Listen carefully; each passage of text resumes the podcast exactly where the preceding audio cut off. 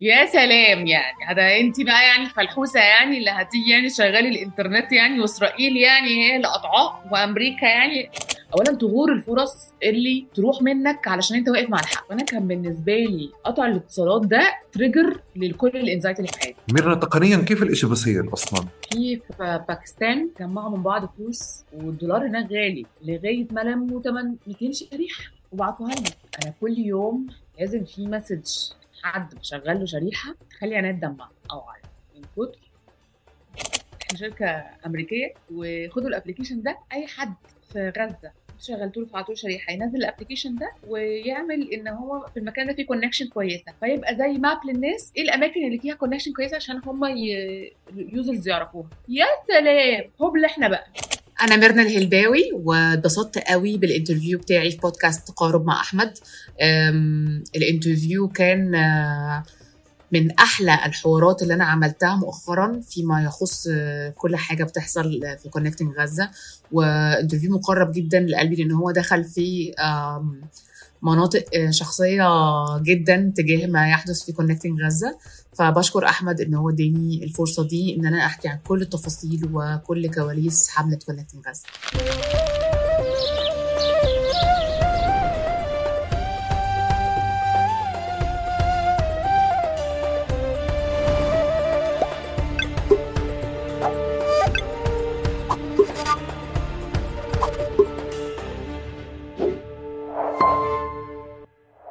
هو أنا جيت كده احسن؟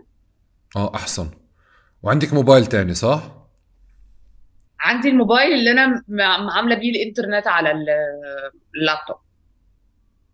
آه والموبايل أنا بدي بس أن نعمل شي احتياط عشان الانترنت عم بقطع. بس نسجل الصوت عندك على جهازك. آه. يعني على تليفون. حاجة هو حتى لو أنا سجلته على جهازي إن أنا بعتهولك ده هيحتاج خمس أيام بلياليهم بالنسبة آه والله في مصر. wow. أسوأ quality في حياتك. يعني أنا شخصيا محتاجة شريحة إلكترونية. يعني دايما بقول لكل الناس اللي أنا بشبكهم في فلسطين كده بقول لهم بجد أنتوا عندكم إنترنت أحسن من الإنترنت اللي عندي. يعني برافو. لا لهالدرجة. الأب... آه آه آه ال upload لا وال download كم يعني؟ كارثة. ال- الكارثه يعني أنا كان عندي برضو آه انترفيو مع بودكاست في أمريكا وكانوا برضو عايزيني أعمل كده. فكان أول مرة يعني أجرب. عايزة أقول لك من كتر ما يأسوا قالوا لي خلاص إحنا we're fine with the audio quality that we have. We don't want it, we don't want you to, to send us خلاص شكرا شكرا مش عايزين أي حاجة منك قلت لهم أنا قلت لكم والله حذرتكم. لا هو الناس اللي فاهمة زيك كمان اللي هو بتعطيني أنت من الحلقة الأخيرة. مش رح يزبط أحمد آه، عشان أرفع لك إياه ف علشان علشان أوفر عليك المجهود وعليا يعطيك ألف عافية. أهلا وسهلا فيكي أنت بالعادة قديش morning person مرة تانية؟ بأي ساعة بتصحي؟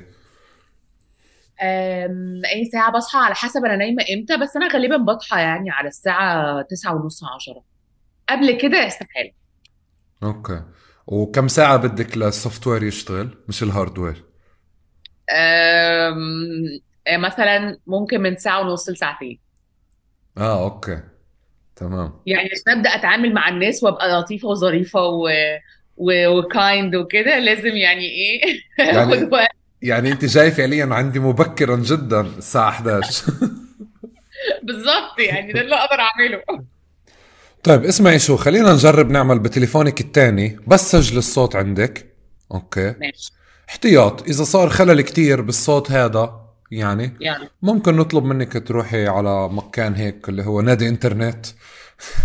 تقولي يلا بينا. من تعون زمان. okay. طيب إحنا حوارنا مسجل من أوله لآخره. ما في اقتطاع. فيش مونتاج. okay. فأهلا وسهلا فيكي. ازيك يا أحمد عامل إيه؟ مية. أهلا وسهلا فيكي. ويعطيكي ألف عافية. ربنا يخليك يا رب. وأنا مبسوط إنه زبط نعمل المحادثة وسط الشغل والضغط وال وال وكل الزيطة والمعمعة والحرب اللي إحنا موجودين فيها.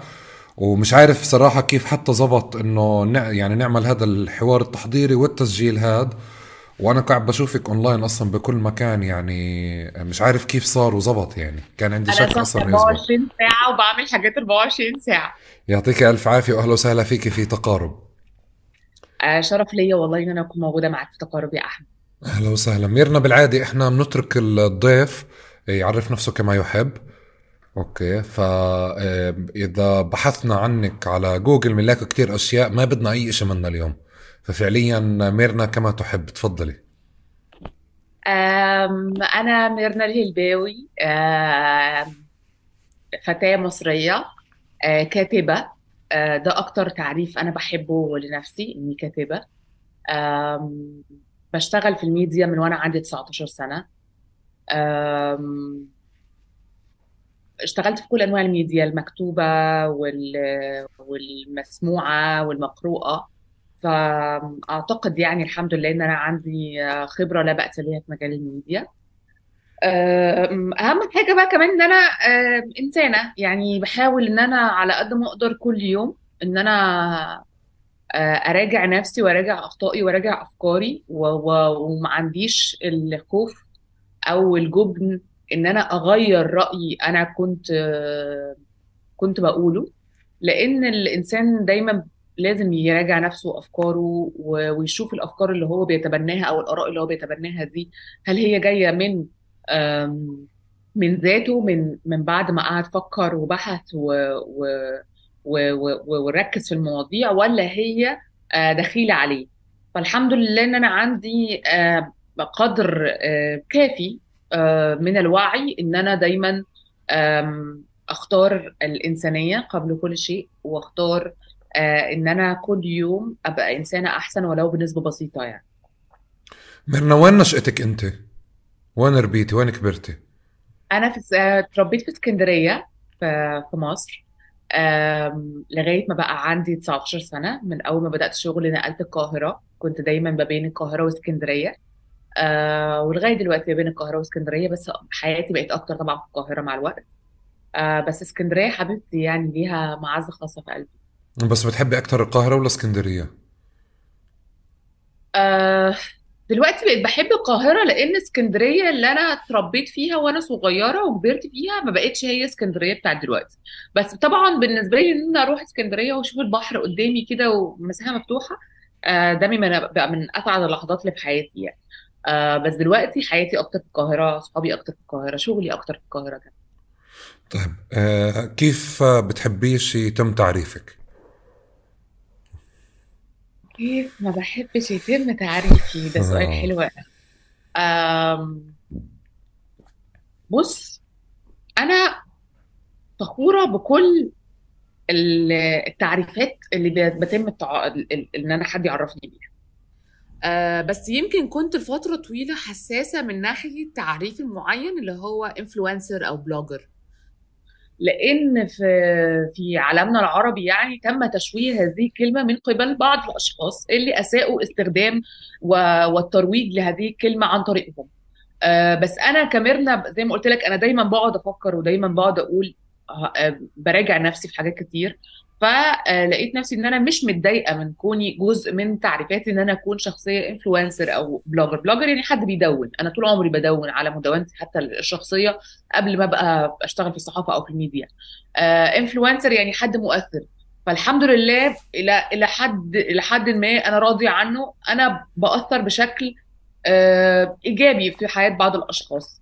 فلقيت نفسي إن أنا ما عنديش مشكلة مع التعريف ده بس عندي مشكلة مع شكل التعريف الجديد ده في ال- في العالم العربي خاصة.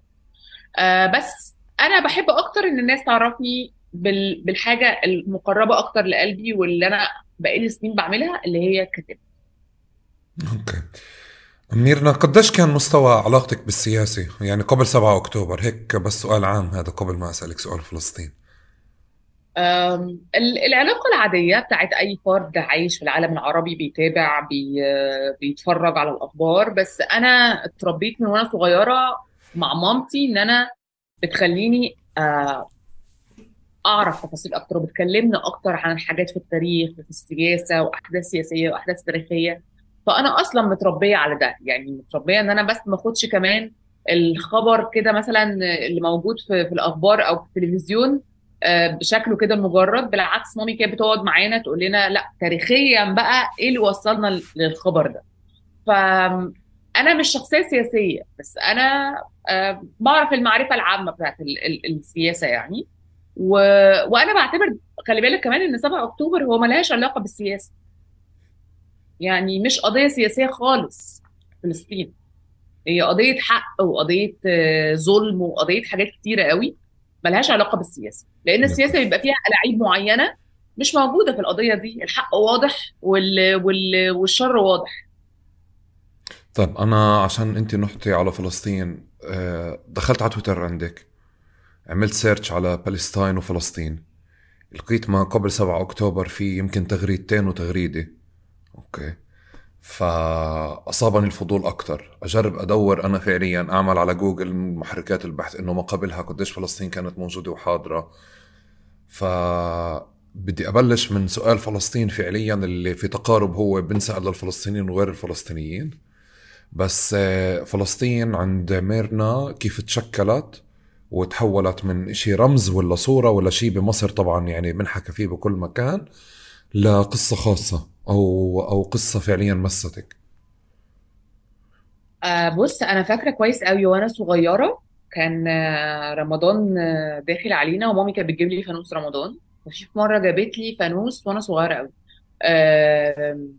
لما بتدوس عليه بيشتغل صوت فيروز الأغنية بتاعت يا قدس ويا مدينة الصلاة صلي آه ده أنا لسه فاكرة لغاية دلوقتي الفانوس شكله عامل إزاي وفاكرة الألوان اللي كانت بتطلع منه وفاكرة أول مرة شغلته كان عامل إزاي. وأعتقد إن هو لسه موجود عند تيتا في البيت القديم مش متأكدة موجود ولا هي رميته ولا إيه. بس أنا فاكرة كويس قوي ده وفاكرة كويس جدا زي ما قلت لك أنا اتربيت مع أمي. أمي شخصية مثقفة جدا وشخصيه مطلعة جدا آه فكانت دايما وإحنا صغيرين بتقعد تشرح لنا وتفهمنا إيه اللي بيحصل.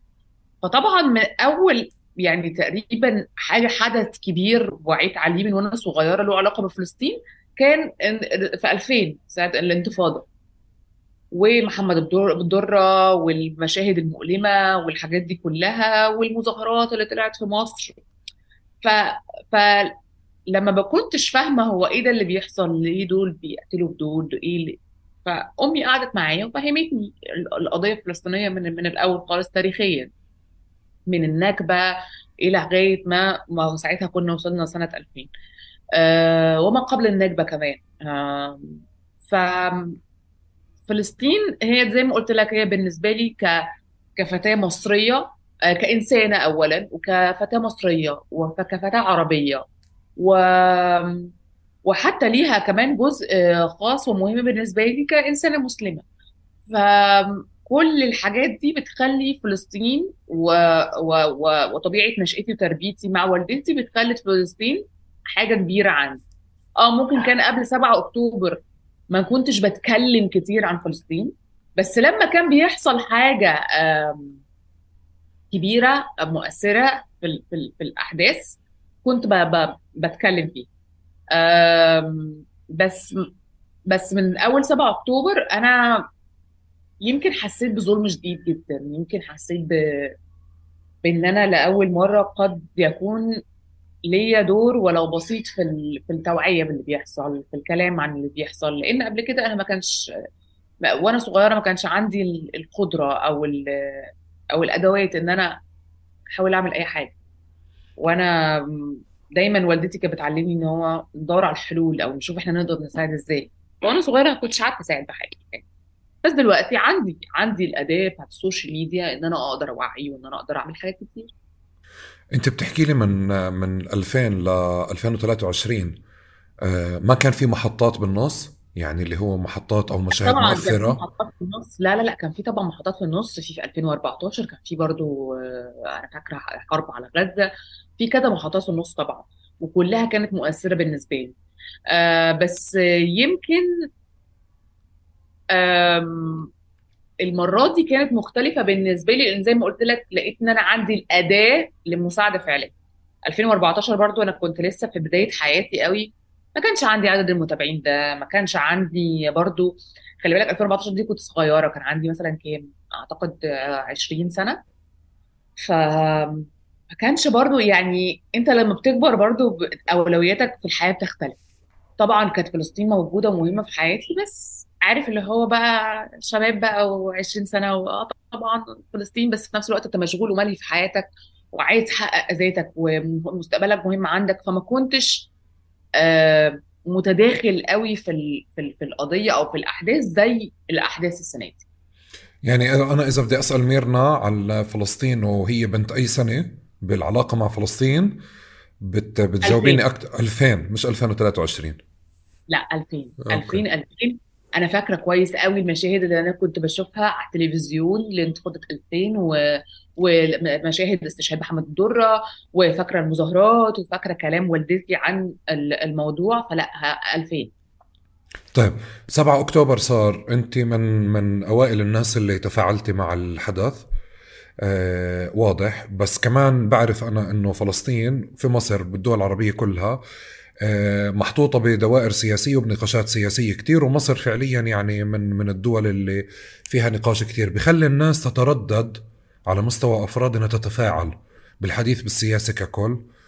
ومن مكان تاني ميرنا كمان يعني على مستوى career وشغل و business و marketing وحملات و campaigns ودعايات وإعلانات. دخولها بالسياسة ب- بحرق عليها أشياء يعني بحرق عليها فرص. آه، بس أنا اللي شفته إنه أنت كمان من من من اللحظات الأولى أو من الساعات الأولى فعليا تفاعلتي مع هذا الموضوع بناء على ال social media يعني الريكوردز اللي موجودة. ف آه، أخذك وقت تفكري آه، تفاعلتي بشكل مختلف مع الحدث هذا يعني ممكن بس تحكي لي عن الساعات أو الأيام الأولى ما بعد 7 أكتوبر؟ لأنه في شفت هون. بص 7 أكتوبر أنا كنت في ألمانيا في برلين. في تصوير شغل. يوم 7 أكتوبر أول ما حصل الاختراق الغلاف وكل الكلام ده كنت أنا كاتبة tweet آه صباح المقاومة. وقعدت بقى ساعتها أكتب إيه tweets كتير وحاجات كنت يعني قمة سعادتي وبعدين آه لقيت tweets من آه account آه شرطه برلين يقول أي حد هنلاقيه حاطط على آه أي social media حاجات ليها علاقة باللي حصل يوم 7 أكتوبر هنقبض عليه. فطبعا أنا عندي مشكلة إن أنا مش عايز اتقبض عليا في ألمانيا. رحت ماسحة كل الحاجات وقلت إيه يا بنتي لما ترجعي بلدك وترجعي مصر اكتبي اللي انت عايزاه. رجعت يوم 10 بداية اول ما حطيت رجلي في مطار مصر. رحت بدأت بقى إن أنا أكتب عن آه، فلسطين بكل قوة. ومن ساعتها ما بطلتش كلام عن هذا الموضوع. لما تيجي بتقول لي فكرة إن أنا بشتغل في marketing وفرص و brands وحاجات كده زي ما قلت لك هي التربية والنشأة بت بت بتأثر بشكل كبير جدا في شخصية بني آدم. أنا اتربيت إن أنا آه يعني لا أخاف إلا الله وما ينفعش والسكوت عن الحق شيطان أخرس. وإن أنا ما دام أنا عندي الأداة إن أنا أقول بيها كلمة حق وأقرر إن أنا أخفيها أو ما أستخدمهاش فده ذنب كبير جدا جدا جدا هيأثر على حياتي. اولا تغور الفرص اللي تروح منك علشان أنت واقف مع الحق. دي فرص غير حقيقية وغير إنسانية وملوثه أنا مش عايزاها في حياتي.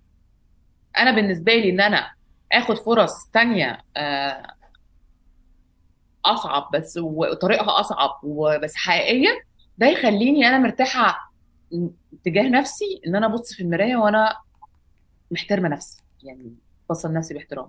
لكن إن أنا أخاف من إن أنا أقول كلمة حق عشان خاطر آه، حاجة حاجة حاجة مادية لا أنا اتعلمت إن الماديات بتروح وتيجي في يوم أنا ما كان معايا فلوس كتير في يوم ما بقاش معايا فلوس أصلا.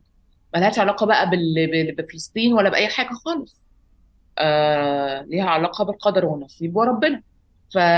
ففي النهاية مفيش حد بياخد رزق حد ومفيش حد بيضيع عليه حاجة رزقه هو و... ومكتوبة له زي ما بيقولوا.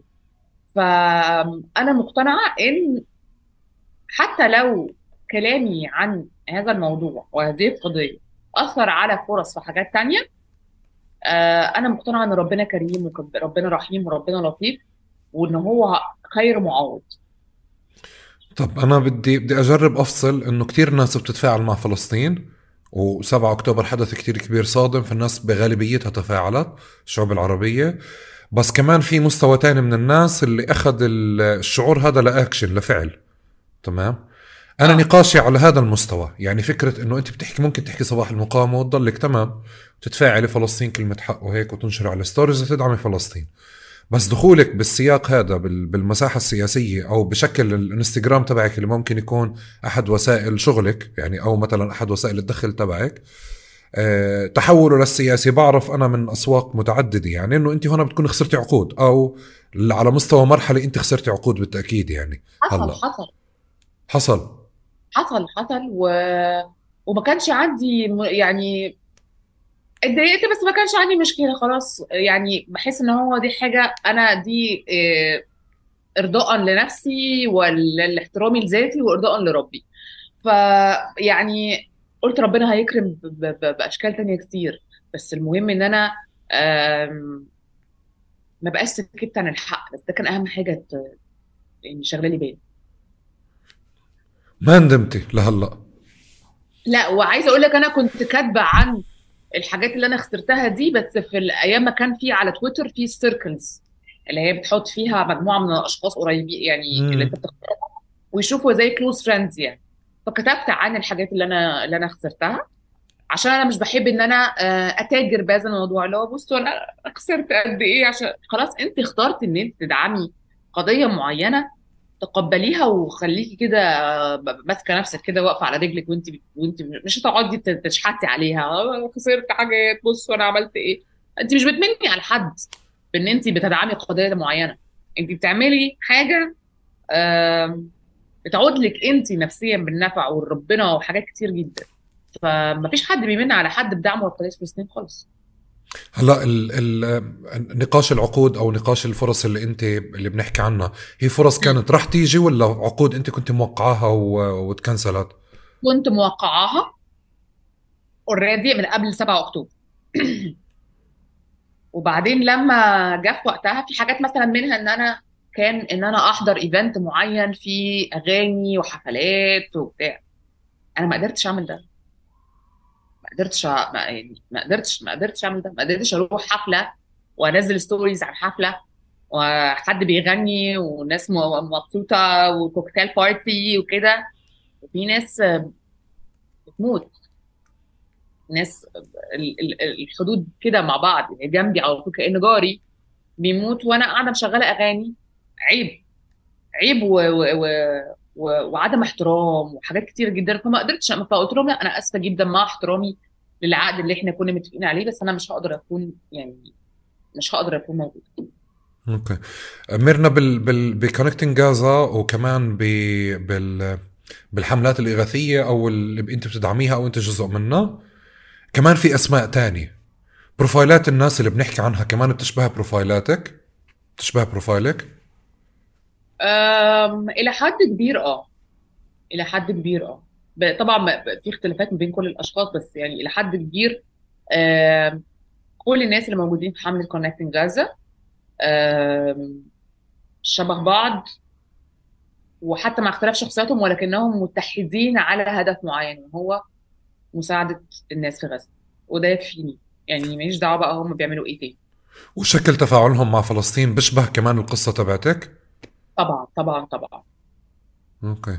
طيب آه، صراحة بدي بدي أحكي على Connecting Gaza على الأسماء. بنفع نذكر أسمائهم قبل ما نبلش يا ونحكي ريت. عنهم؟ أنا نفسي أنا عايزة أذكر أسمائهم.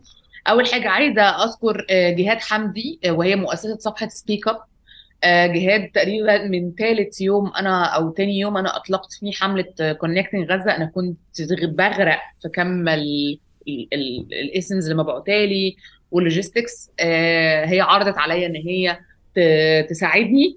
وقلت لها أرجوكي تعالي ساعديني أنا محتاجه فراحت على طول مساعداني وليها جزء كبير جدا جدا جدا في إنجاح هذه الحملة وجهودها آه، فوق الوصف.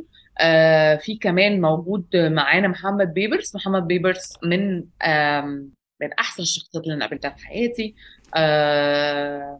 شخص متفاني جدا على الرغم إن هو عنده مذاكرته عنده آه، شغله آه، بس برضه مركز جدا في Connecting غزة وبيوصل الناس وبيتفاعل معاهم. عايزة كمان آه، أذكر لازم دعاء جويش كرست هي مؤسسة The Hair Addict وهي حاجة كبيرة جدا في مصر وكانت مذكورة في فوربس من أكتر الحاجات ال- ال- ال- الناجحة يعني. آه، كرست أكاونتها الشخصي إن هو لمساعدة برضو لتفعيل الاسمز للناس في غزة وكانت معانا من من من الأول. آم، عايزة برضو آه، أذكر دور نورهان أبو بكر آه، هي برضو كاتبة ومدونة وبرضو بت- بتشغلة معانا يعني بشكل رائع. وعايزة أذكر عمرو شبراوي. في كمان في أنا مش عايزة بس أبقى ناتية ناس بس يعني عمرو شبراوي نوران بكر دعاء جويش محمد بيبرس آه، جهاد حمدي و... وآخرين أكيد ساعدونا كمان صفحات إن هم آه، يكونوا من موزعين لتفعيل الشرائح الإلكترونية. فيعني أنا بشكر كل الناس كل الناس اللي ساعدت في إنجاح هذه الحملة. أنا صراحة كنت بدي أشكرهم بسألك عنهم بدي أشكرهم بدي أذكر أسمائهم كمان بالحلقة لأنه آه، بالنسبة لإلي كل القصة تبعت Connecting Gaza بالأسماء بالبروفايلات إذا بجرب أي حدا من اللي قاعد بسمعنا يدور على الأسماء. ما بي- بلاقيش ما قبل 7 أكتوبر في مسار على أي منصة من منصات التواصل اللي بيحكي إنه هدول الناس فعليا ممكن يكونوا فاعلين على مستوى آه، سياسي مش على مستوى حتى إنساني من باب التعاطف ال- يعني هذا اللي هو البسيط أو السطحي. لا في ناس عم تتفاعل مع قضية فلسطين ومع الناس اللي في غزة وبتحول تعاطفها وتضامنها لفعل. مش فعل حتى مجرد إغاثة إنه يلا نجمع فلوس لا في فكرة كل حدا أخذ آه، أخذ دوره فيها فشكرا لكل حدا. يعني كان مهم لإلي أنا بشكرهم أذكر. جدا إن هم جزء من فريق Connecting غزه و... و... وأنا حتى دايما بقول لهم ده كل يوم إن لولا جهودهم ولولا آه تفانيهم يعني في ال... في, ال... في Connecting غزه ما كانتش Connecting غزه قدرت توصل لكل الناس دي. Connecting Gaza 7 أكتوبر صارت بعد كم ساعة أو بعد كم يوم آه، بلشت الفكرة. يوم 28 أكتوبر. يوم ف... 28 أكتوبر.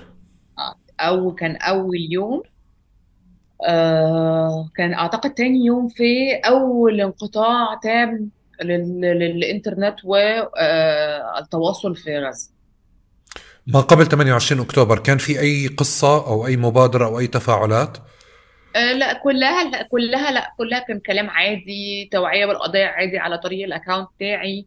آه كلام يعني ما كانش في حاجة فيها شكل حقيقي للمساعدة. هي كلها كانت حاجات تنفيذ غضب وتعليق على الأحداث. طيب صار عنا انقطاع الاتصالات. أنا بالنسبة لي شعور على مستوى شخصي يعني انجنيت إنه كل ما قبله كان قتل دم مجازر آه، فقدان تواصل مع ناس آه، توتر آه، خليني أحكي عندي قدرة على التعامل معها أو على الاستعداد لإلها لأنه هيك يعني هيك قصتي مع الانتفاضة الثانية وجر. آه، بس آه، قد انقطاع الاتصالات من أكثر الأشياء اللي أرعبتني بحياتي. فبالنسبة وأنا لي قعدت أصيح إنه لازم هلأ فعليا إنه ناخذ دور ما أو ناخذ إشي ما. ما عرفتش اخذ دور أكثر من البعبع على الستوريز يعني.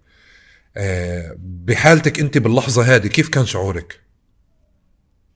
بص أنا بتوتر جدا من المجهول. وأنا آم، بقالي كذا سنة كمان بعالج نفسي من مرض اضطراب القلق. عندي anxiety وبخاف من أي حاجة unknown و- ومجهولة. فأنا كان بالنسبة لي قطع الاتصالات ده تريجر لكل الانزايتي اللي في حياتي. فكرة ان ان إن أنا أصلا كنت قبليها متأثرة جدا. بكل اللي بيحصل زي ما انت قلت من القتل والحاجات بس على الأقل شايف يعني موجود. آه فجأة لما تحس إن حتى الناس دي آه بيتاخد منهم حق الصراخ بصوت عالي إن لحقونا أو أنت مش عارف إيه اللي بيحصل فيهم بقى أصلا.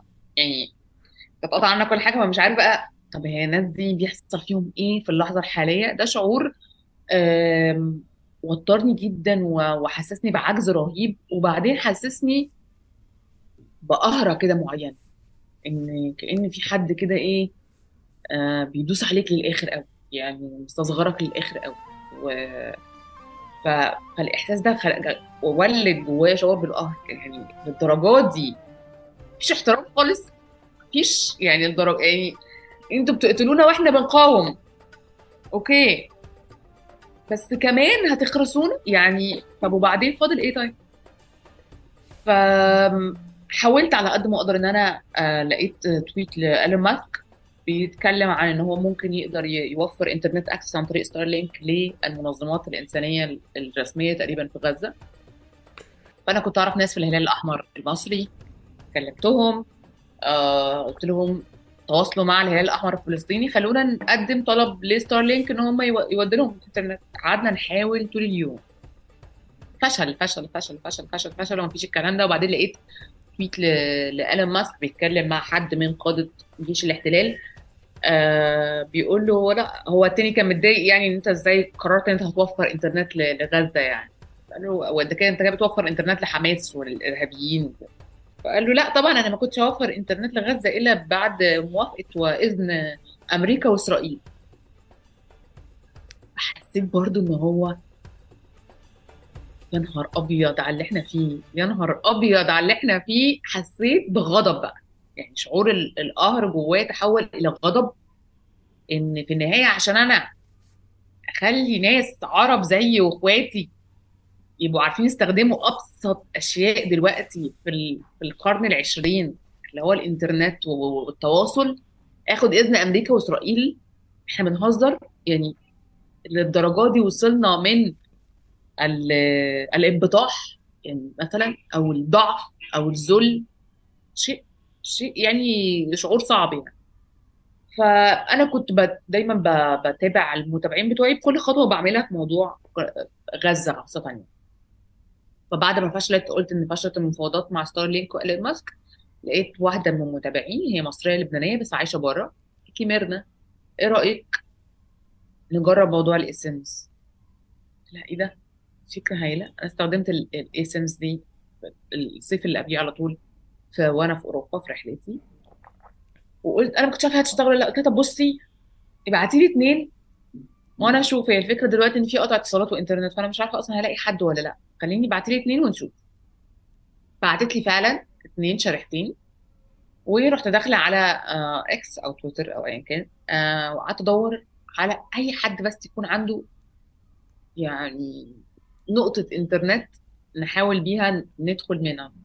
فلقيت فعلا آه، اتنين. لقيت أحمد المدهون صحفي من غزة ولقيت هند خضري صحفية من غزة.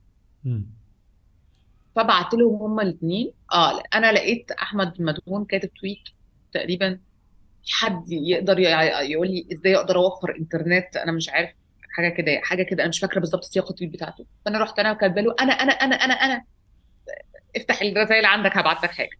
فراح فاتح الرسائل عنده قلت له بص إحنا بنعمل أول تجربة معرفش تنجح ولا لأ فيلا بينا. قال لي يلا بينا. رحت بعت له الشريحة. آه ما ظبطتش على على تليفونه. قلت طب جرب تاني. راح مجرب تاني اشتغلت على تليفون حد جنبه. وراح بعد كده راح مفعل بقى لنفسه الاسم هند خضري كنت أنا بكلمها وواحد تاني كمان صديق اسمه أعتقد كريم. آه إحنا الاثنين كنا بنفعل لها نفس الشريحة في نفس الوقت. ف والحمد لله اشتغلت برضه معاها. فدي كانت اللحظة اللي كونكتنج غزة ظهرت. للحياة. إن بقى عندي اثنين صحفيين في غزة قدرت أوفر لهم إنترنت وإنترنت كويس وإنترنت قوي وإنترنت سريع وقدروا إن هم يخترقوا قطع الاتصالات والإنترنت عن قطاع غزة.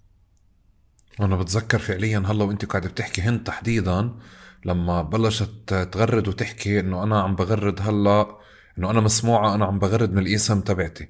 ف أيوه. ما يعني ما كنتش أفكر إنه هالقد الإشي كان يعني في في بخ- بخلفيته كواليسه فعليا في في هذه لا وعايزة أقول لك إن أنا وأنا بقول وأنا بنشر على إكس إن إحنا بنحاول دلوقتي نشوف نقدر نفعل شريحتين ينجحوا ولا لأ. الناس كلها كانت بتستهزأ باللي أنا بعمله.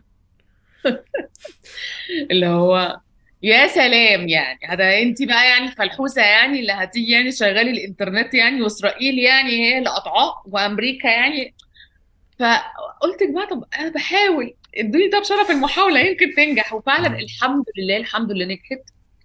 وعايزة أقول لك حاجة كوميدية جدا. لسخرية القدر يعني. أنا شخصيا ماليش في التكنولوجيا خالص. ما بفهمش فيها. أنا شخصيه أدبي. تقول لي خدي الكتاب ده اقريه. خدي اكتبي مش عارفة إيه. لكن تكنولوجي وحاجات كده. أنا لما كنت بكلم خدمة العملاء بتاعت فودافون عندي مشكلة في الإنترنت ولا في الموبايل وأكلمهم في التليفون أنا مش بفهم أصلا هما بيقولوا إيه. يعني كلام المصطلحات بالنسبة لي طلاسم ومخي بيكلبش فما بقاش عارفة أعمل إيه. فكنت مثلا أخلي يارا أختي الكبيرة عشان هي بتفهم في ال technology تكلمهم بدلي عشان تعرف تعمل الخطوات.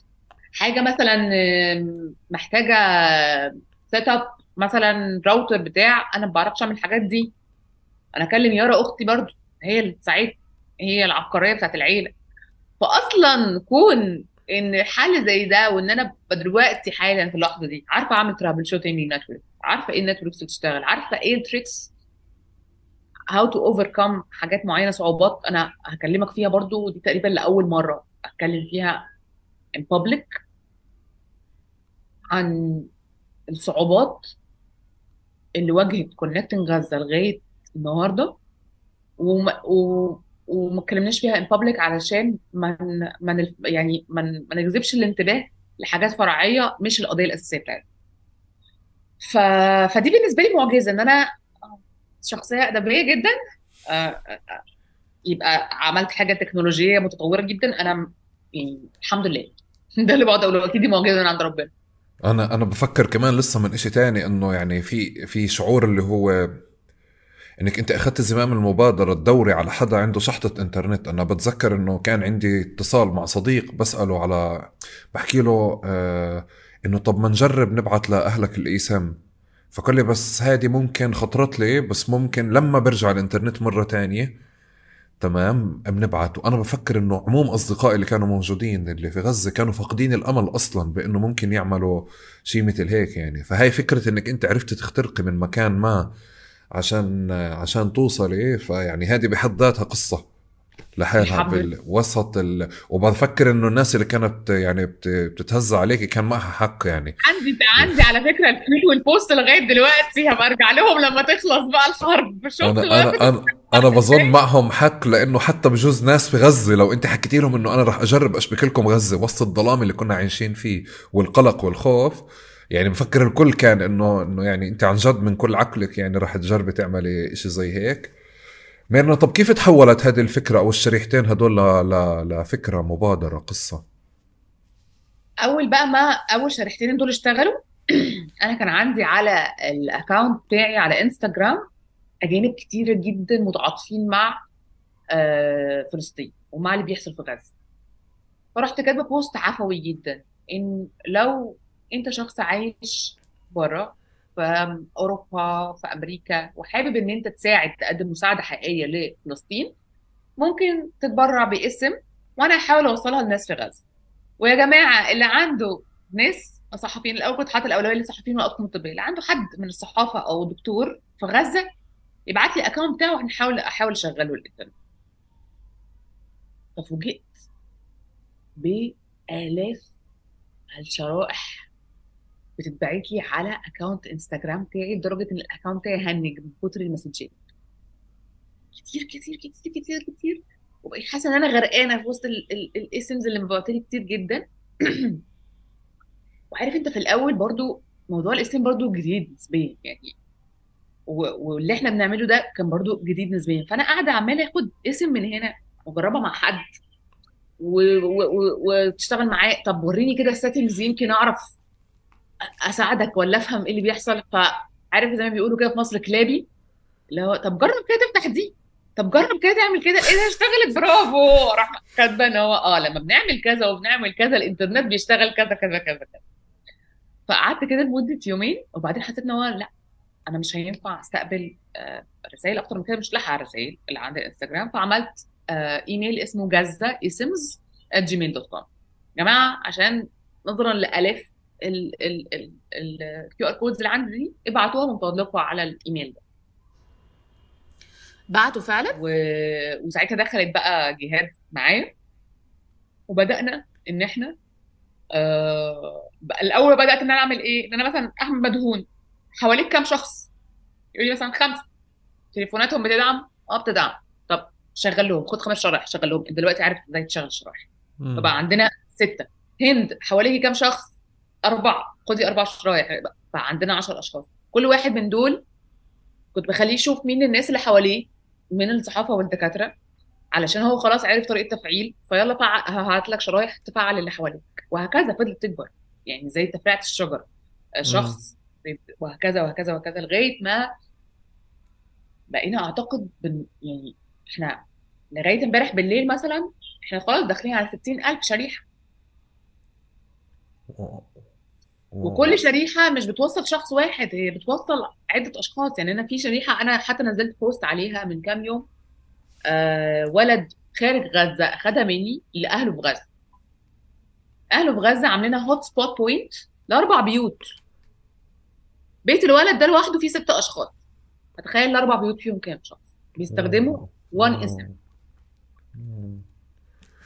ميرنا تقنيا كيف الإشي بصير أصلا؟ يعني أنا بعرف إنه هلأ إحنا إذا الواحد سافر ال eSIM زي ال SIM إذا الواحد سافر على بلد بروح على شركة أي شركة من الشركات الاتصالات بطلب بدل السم ايسم أو اليوم صار في تطبيقات موجودة اللي من خلالها الواحد بدل ما يشتري يروح يتعامل مع شركة واحدة فبدخل من خلال التطبيق هذا بيشتري ايسم لفترة محددة ب- وبتصير حياته أسهل الإنسان يعني هيك. آه، بالظبط آه، إحنا تقنيا بنحكي إنك أنت عم تشتري من خلال واحد من التطبيقات ولا الناس بتبعت لك أصلا من خلال واحد من التطبيقات؟ الناس بتبعت لي بيتبرعوا. هم بيشتروا بفلوسهم؟ هم بيشتروا. آه وبيتبرعوا لي. ببعت لك ال QR code QR code okay. بوصله لحد بغزة فعله معاه okay. ففعليا طيب وبعدين عم بشوف ناس بتحكي يعني تتفاخر وبتعمل لك tags وهيك إنه رجعت عبيت الشريحة. أو آه إنه طبعا. قربت. آه. أرى- في ناس آه، فعلا شرحتهم لما ما أنا في النهاية أنت برضو حلاوة Connecting Gaza إن هي ربطت ما بين أشخاص ما شافوش بعض ولا يعرفوا بعض ونشأتهم مختلفة تربيتهم مختلفة ثقافتهم مختلفة وفي معظم الأحيان ديانتهم مختلفة وأفكارهم مختلفة في الحياة. بس ربطتهم عن طريق application أو عن طريق ال eSIM دي بإن هو شايف الشخص اللي قدامه في غزة بيستخدم كام انترنت في اليوم عن طريق ال application عنده وبيشوف هو إيه ده قرب يخلص لأ طب أنا هزود له data وانترنت عشان عشان ال eSIM بتاعته ما تخلص. لأن لما ال eSIM بتاعت حد بتخلص هو بيرجع لنا بيقول لنا أنا عايز eSIM تاني فبنديله طبعا eSIM تاني. آه بس في أشخاص آه بيقرروا إن هم يفضلوا يحطوا data لل- للأشخاص اللي هم تبرعوا لهم ب eSIM ويفضل عندهم انترنت شغال على طول. فهي حلاوة Connecting Gaza كمان إن هي أظهرت جزء كبير جدا من الإنسانية وال... وحتى قبل ما أعمل كونكتنج غزة عفوا كان في فيديو أنا حطاه آه، عندي على انستغرام وكاتبة إن الشعوب ليسوا حكمائهم. الشعوب ليسوا حكامهم قصدي. لأن معظم الأشخاص الأجانب اللي بعتوا لي هم معترضين على سياسات حكوماتهم في التعامل مع غزة. ومتعاطفين جدا ومساندين جدا وبينزلوا مظاهرات ويحطوا post و stories وحاجات كده. فحسيت إن هذه الشعوب لا تعبر عن موقف حكامها على الإطلاق. ف فهم كمان حسوا إن هو في دلوقتي وسيلة فعلية ومباشرة يقدروا يحسوا بتأثيرهم. تجاه مساندة غزه يعني انت لما تبعت لحد QR code ويتفعل عنده انت خلاص انت ساهمت فعلا وقدامك وقدامك اهو على الاثبات على ال على أنا لازم أحكي لك إنه فعليا أنت فعلتي مش بس آه، ستين ألف آه، حدا في غزة وصلتيهم بالإنترنت أنت فعلتي كمان ستين ألف حدا من برا حولوا شعورهم فعليا مجرد فكرة التعاطف والتضامن لإشي فعل. اللي بالظبط هو مجرد إنه في حدا ماسك تليفون وقاعد بتأكد إنه في حدا عايش واحد اثنين في حدا عم بيستخدم إشي ويشعر إنه هو على تواصل مع شو بدعم. أنا بظن حتى هذه قناة آه، يعني فكرة أو قناة دعم وتواصل آه، ما بنعرفها سابقا. عادة الناس أصلا بتدفع فلوس وبتكون متشككة. بالظبط يعني بتدفع فلوس وبتكون مش حاسة منيح. بس تدفع فلوس وأنت عم يعني بتتابع وبتعمل follow up للفلوس تبعتك وين قاعدة بتروح وبتشعر إنه لا إنه إنه قعدت أدور على تويتر بشوف ناس بتقول الحمد لله إنه لساته عايش عم بيستخدم ال data. إنه كتير غريب الأبعاد اللي راحت آه، يعني على مستوى بالظبط الناس. بالظبط بالظبط أبعاد إنسانية مختلفة جدا وجديدة جدا. آه بس آه، زي ما بقول كده رقيقة جدا يعني بتحس إن هي في النهاية على الرغم إن إحنا كلنا مختلفين بس إحنا شبه بعض في النهاية قوي وعندنا نفس المشاعر ونفس الأحاسيس وكل حاجة. أنا أنا بدي أحكي لك إنه ال ال ال ال كمان واحدة من الأهميات ال- يعني أهمية إضافية كتير مهمة بوقت مثل هذا. كتير ناس بت شعورها بالتضامن والتعاطف إذا ما تحول لفعل بروح. ففعليا فكرة إنه في حدا هلأ حرفيا تورط ب... ب... على يعني في إشي على تليفونه موجود إنه هو وال... والإشي مش مكلف. والإشي كتير بسيط وال... يعني ما في تضحية ما في فكرة إنه أنت ممكن تشغل بحالك بس بقدر ما إنه في إشي عم تعمله بتشعر منيح ولطيف ولهيك يمكن هذا الاتساع الكبير. آه، قبل ما أروح لشهادات الناس اللي اللي وصلتيهم بال أو وصلهم الشرائح بهمني أعرف شهادات الناس اللي ساعدتيهم يعملوا إشي. عايزة أقول لك أنا كل يوم بتوصلني رسائل رائعة من الأشخاص المتبرعين. المتبرعين أنا عايزة أقول لك إن هو شفت كم من السخاء والكرم رهيب. يعني في ناس بتتبرع بال شريحة. في ناس. يعني وده حصل كتير جدا. في في باكستان اتبرعوا أعتقد ب 200 شريحة. جمعوا من بعض فلوس والدولار هناك غالي عشان يجيبوا شرايح. لغاية ما لموا ثمن 200 شريحة. وبعتوها لنا. فقط لمساندة فلسطين وأهل فلسطين. في حد تاني كان بعت لي قال لي بصي أنا أصلا يعني على الحديدة وبقبض في أوروبا أقل من ال ال ال الحد الأدنى من المرتب. لكن ما قدرتش إن أنا يكون في إيدي حاجة ولو بسيطة وما أقدرش أعملها. فهو أنا برعت بشريحة واحدة. ف حتى برضو لسه امبارح حد واحدة كانت بعتلي على إكس تقول لي شكرا إن انت خليتي واحدة زيي. أنا بشتغل ويترس في مطعم مرتبي على قدي جدا بس حسيت إن أنا ليا إن مساعدتي ليها قيمة في إن أنا بعت لك شريحة واتفعلت فحسيت إن أنا مش معنى إن أنا معيش فلوس كتير إن أنا ماليش قيمة أو مش عارفة أساعد حد. فكل يوم بتوصلني آه، رسائل آه، من المتبرعين. رائعة جدا ورقيقة جدا وإنسانية جدا وفرحتهم لما آه، شرايحهم بتتفعل كمان جميلة جدا. واتبعت لي شرايح كتير جدا من يهود حول العالم مساندين لغزة ورافضين رافضين جدا اللي بيحصل في غزة من جانب إسرائيل ومعارضين جدا لإسرائيل. فكل الحاجات دي حسيت لا العالم لسه بخير. يعني العالم لسه فيه قدر كبير جدا من الإنسانية وقدر كبير جدا من الحب تجاه الآخر يعني. طيب ومن ومن ناحية ال القصص اللي في غزة يعني بدي هيك تاخدي وقتك يعني تاخدي وقت كتير و... وبحس هيك إنه يعني بدي آه، ما ما بدي الشهادات تقنيا يعني بدي بدي بدي قصتها كاملة. فارجعي للأول.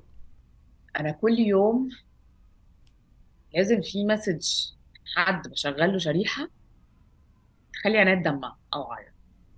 من كتر ما آه، أنا مش متخيلة حجم فرحتهم بقدرتهم على التواصل مع مع العالم ومع أهله. في حد أنا شرعت له شريحة كان بقاله أسابيع مش عارف يكلم جدته اللي عندها زهايمر في غزة قاعدة مع مامته. نفسه يطمن عليها. طمن عليها video call عن طريق الشريحة. لسه امبارح حد باعت برضه message لنورهان من فريق Connecting Gaza.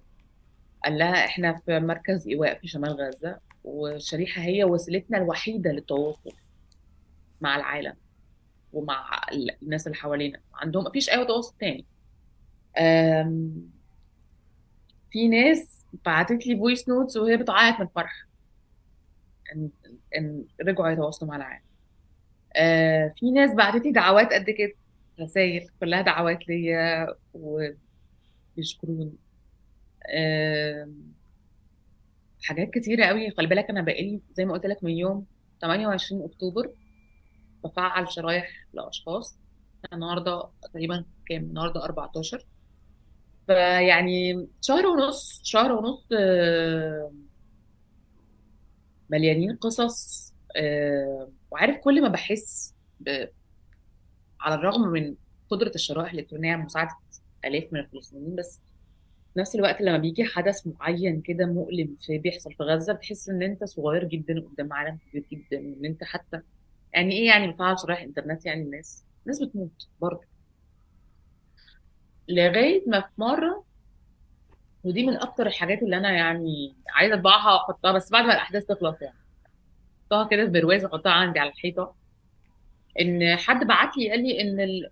أنا أخدت منك شريحة وفعلتها والشريحة وصلت يعني لأشخاص معينين في فلسطين. والشريحة دي قدرت إن هي تنقذ ناس من تحت وكامل ال- المبنى تم قصفه. قدروا إن هم يوصلوا للناس وإن هم عايشين ويطلعوهم.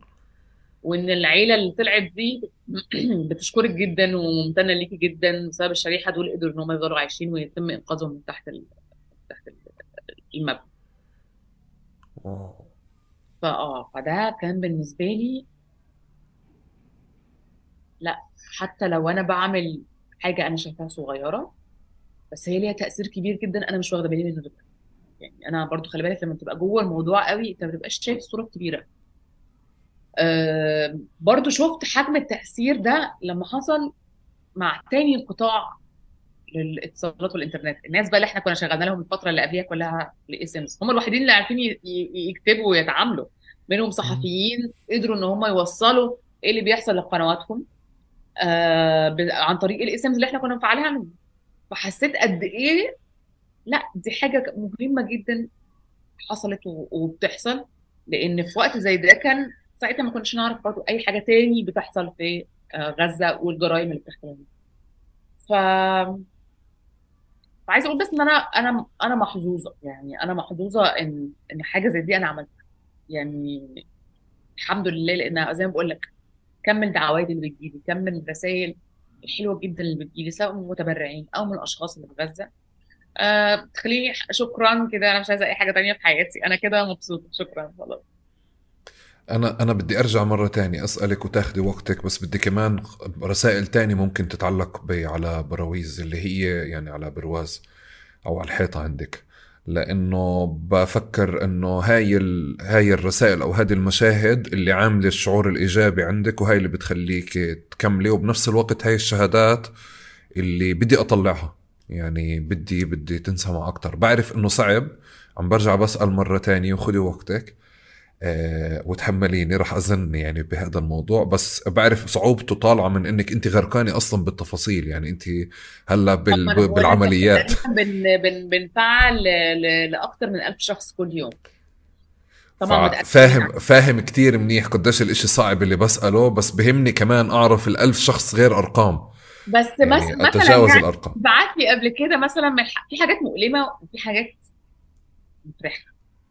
احكي لي كلهم. من الحاجات المفرحة مثلا حد فعلت له الشريحة ومن كتر ما الإنترنت كان قوي عنده راح باعت لي فيديو لأطفال عيلته بيرقصوا في البيت. مبسوطين بوجود إنترنت. آه لسه من كام يوم كنت شفت فيديو لبنت صغيرة عندها تسع سنين في غزة آه اسمها هدى. عمالة ماشية ورا الصحفيين. كان أستاذ آه، با- باسل آه، خلاف. خلف. باسل خلف خلف قاعد بيعمل معاها بيقول لها أنت قاعدة جنبنا ليه؟ قاعدة في خدمه الصحفيين ليه وقاعدة جنبنا؟ تقول له عشان عايزة انترنت عشان ما فيش عندنا في الخيمة انترنت فرحت بعت الأستاذ باسل قلت له باسل أرجوك خليني in contact مع أتواصل مع عائله آه، هدى. أنا عايزة أوفر لهم شريحة عشان يبقى معاها على طول. عايز تلعب games online يعني عارف لما تحس إن هو أبسط الحقوق ال- الإنسانية ع- يعني وأنا كمان قلبي بقى ضعيف جدا تجاه الأطفال من ساعة ما ابن أختي دخل يعني بقى موجود في حياتي حسيت إن هي كأن أنا بشغل لراين ابن أختي ال- ال- ال- الموبايل ومامته مش عايزة تشغله الموبايل. ف... فالحمد لله راح مكلمني تاني يوم فيديو كول وجنبه هدى. وهدى بنت ذكية جدا جدا جدا وشاطرة جدا وقعدت تتكلم معايا بالمصري. وازيك وأنا بعرف احكي مصري كويس وحاجات كده. وفعلا بعت له آه، شريحة إلكترونية ليها عشان يشغلها لها علشان هي تستخدم الإنترنت براحتها من غير ما تبقى آه، قاعدة في خدمه الصحفيين أو ماشية ورا الصحفيين في آه، أجواء خطر يعني. بس في قصص مؤلمة تانية بقى. يعني في قصص مؤلمة إن ناس فعلت لهم شرايح قاعدين في بيتهم آمنين. تاني يوم بيبعتوا لي صورتهم وهم جنب المبنى اللي اتقصف في جزء من عيلتهم تحت الأنقاض. آه، في واحد دي قصة مؤثرة جدا. كان عايز شريحه غزه و... وانت عارف عشان نفعل الشريحة بتحتاج انترنت لمدة مثلا خمس أو 10 دقائق كده تتفعل وبعد كده خلاص. بس كل شوية الانترنت في في غزة يقطع. يعني حتى لو الانترنت موجود بدون ما فيش انقطاع تام الانترنت. أصلا بيجي خمس دقائق ويروح ثلاث ساعات ويجي. كنا ساعات بنواجه مشاكل كتير في إن إحنا يبقى عندنا إنترنت ثابت لحين التفعيل يعني فبنفضل مستنيين وبنتابع خطوة بخطوة لغاية ما يتم التفعيل. فبعد كام محاولة قال لي أنا خلاص مش عايز الشريحة خلاص بيت أختي اتقصف وهي ماتت. فالشريحة ما بقاش ليها أم، في ناس فعلت لهم شريحة واستشهدوا لقيت مثلا حد من أهله باعت لي من الاكونت بتاعي. إحنا أخوات كذا و- واستشهدوا أم، لسه برضو مثلا شبكة إنترنت لواحد قال لي أنا بنت عمي السيدة الفاضلة اللي كانت بتقول أنا خدت أنا تعبت فيه يا ماما أنا خدت 580 حقنة عشان عشان أجيب بعت لي فيديوز ليهم وهم بيلعبوا مع الطفل قبل ما يستشهد وحسيت بألم كبير جدا. خلي بالك برضو إن أنت أنت تتعامل معاهم يومي أنت بقيت جزء منهم. في ناس دلوقتي هو بيبعتوا لنا هما بياكلوا إيه النهارده؟ بصوا النهارده عاملين غدا كذا. بصوا النهارده لقينا بسكوت كذا فهناكله. بقى في تداخل بشكل عاطفي ومؤثر جدا. آه، بحياة الناس. آه، حد برضو كان بعت لي صورة مثلا آه، هو الوحيد تليفونه بيدعم. بعتنا له شريحة كبيرة. حواليه بقى ناس كتير جدا واقفين حواليه كل دول واخدين منه هوت سبوت. وقاعدين يهزروا مع بعض وحاجات كده. فبقول لك في حاجات مؤلمة وفي حاجات آه، مفرحة. آه بس الأهم في كل ده إنك آه بتحاول محاولة حقيقية ويكفينا شرف المحاولة. ميرنا أنت هلا زي الفلسطينية. أنا كنت ب- بحلقة في تقارب مع صلاح حموري هو مبعد من القدس على فرنسا. فكنا بنحكي كمان بفكرة العلاقة مع فلسطين وهيك وقديش فيها يعني معنى وفيها ألم. فبقول له أنا كأنه العلاقة قائمة أصلا كلها على قسوة. يعني على فكرة أنه الواحد مرة بعد مرة قصة بعد قصة بصير يتأقلم مع و- وهذا أسلوبه بالنجاة. يعني هيك. قاعد بسمعك من مكان وبقول إنه آه أكيد ميرنا كمان يعني صار عندها آه، معنى كبير يعني معنى إضافي بالحياة اليوم باللي قاعدة بتعمله هاد. بس من ناحية تانية في إشي باليوم يوم كتير مرهق نفسيا. يعني إذا أنت كنت فعليا عندك القلق من المجهول آه، ماشي بمسار ما فعليا لا تعرف تديريه وتعرف تتصرفي مع حالك. أنا إذا بدي أفكك الأرقام بس اللي بتحكي عنه ستين ألف ما بدي أخذ ال hotspot ستين ألف شريحة بنحكي بس بخمسة. يعني معدل عالي. نحكي على 300 ألف أو يعني 350 ألف 400 ألف قصة موجودة. ومفاجئ لإلي مش الأرقام مفاجئ لإلي اللي, اللي عن جد هلأ مش قادر أستوعبه يعني. آه إنه ليه بتتواصلي معهم آه ب ب آه يعني هذا مرهق. يعني مرهق مش تقني. مرهق نفسيا مرهق آه عاطفيا. لو ده وكتير. مرهق نفسيا ليا وأنا قاعدة في بيتنا آمنة سليمة في في القاهرة؟ هم بقى اللي قاعدين في الحرب يبقوا إيه؟ أنا أنا بعرف عشان هيك لسه جاي أكمل عشان فعليا يعني كمان إنه ما تنتركش القصة هيك. قصدي قصدي بعرف كتير منيح كمان قديش حاجة الناس اللي جوا لأنه كمان يتواصلوا مع ناس برا ويكونوا كمان شاعر الحدا وهو محاصر وهو عم بنضرب كمان إنه هو أنا متشاف وأنا صوتي واصل وأنا صوتي مسموع وأنا في حدا عم بدعمني في حدا عم بيعطيني attention في حدا بي بي بيعطيني اهتمام ما بعرف هذا الإشي كتير منيح. قديش معناه. بس بفكر من آه، الدور اللي إلنا اللي بنحكي عنه هو دور آه، مؤسسات دول جمعيات يعني آه، جمعيات إغاثية. يعني هاي اللي بتنظم كتير أشياء عشان يديروه يعني عشان يعرفوا يتعاطوا معه. ومع الوقت كمان بصير الإشي تقني. بس حتى وإنت قاعدة بتحكي عنه آه، آه، بجرب أسألك وأسمع قديش تفاعلاتك مع القصة. أنت عم تتفاعلي مع كل قصة بحد ذاتها. يعني الموضوع لسه ما صار تقني. كمان في ناس أه بتفاعل إحنا بنتفاعل مع معظم الناس لدرجة في ناس بقول لك بيبعتوا لنا هم النهارده بصوا عاملين أكل إيه ونقول لهم إيه ده؟ طب حلو جدا طب مش عارفة إيه. في ناس بيطمنوني عليهم لما ينزحوا من مكان لمكان يعني لو نزحوا مثلا من الشمال إلى وسط غزة أو من وسط غزة إلى خان يونس أو من خان يونس إلى رفح بيقولوا لي إحنا وصلنا كده إحنا تمام إحنا أقول لهم طمنوني عليكم آه، أنتوا كويسين ولا لأ؟ في ناس لما بلاقيهم آه، مثلا في مثلا أشخاص ببقى مثلا شبكت له إنترنت فبقى هو عارف الإنترنت بيشبك إزاي فبقول له أنت مهمتك دلوقتي إن أنت تشبك لكل الناس اللي حواليك اللي معاهم تليفون بتاعهم فبيقول لي مثلا أنا حواليا مثلا 20 شخص. أقول له طب خد 20 شريحة طمني لما كلهم يشتغلوا يطمني لما كلهم. فجأة مثلا الشخص ده ألاقيه اختفى لمدة يومين ثلاثة قلبي بياكلني.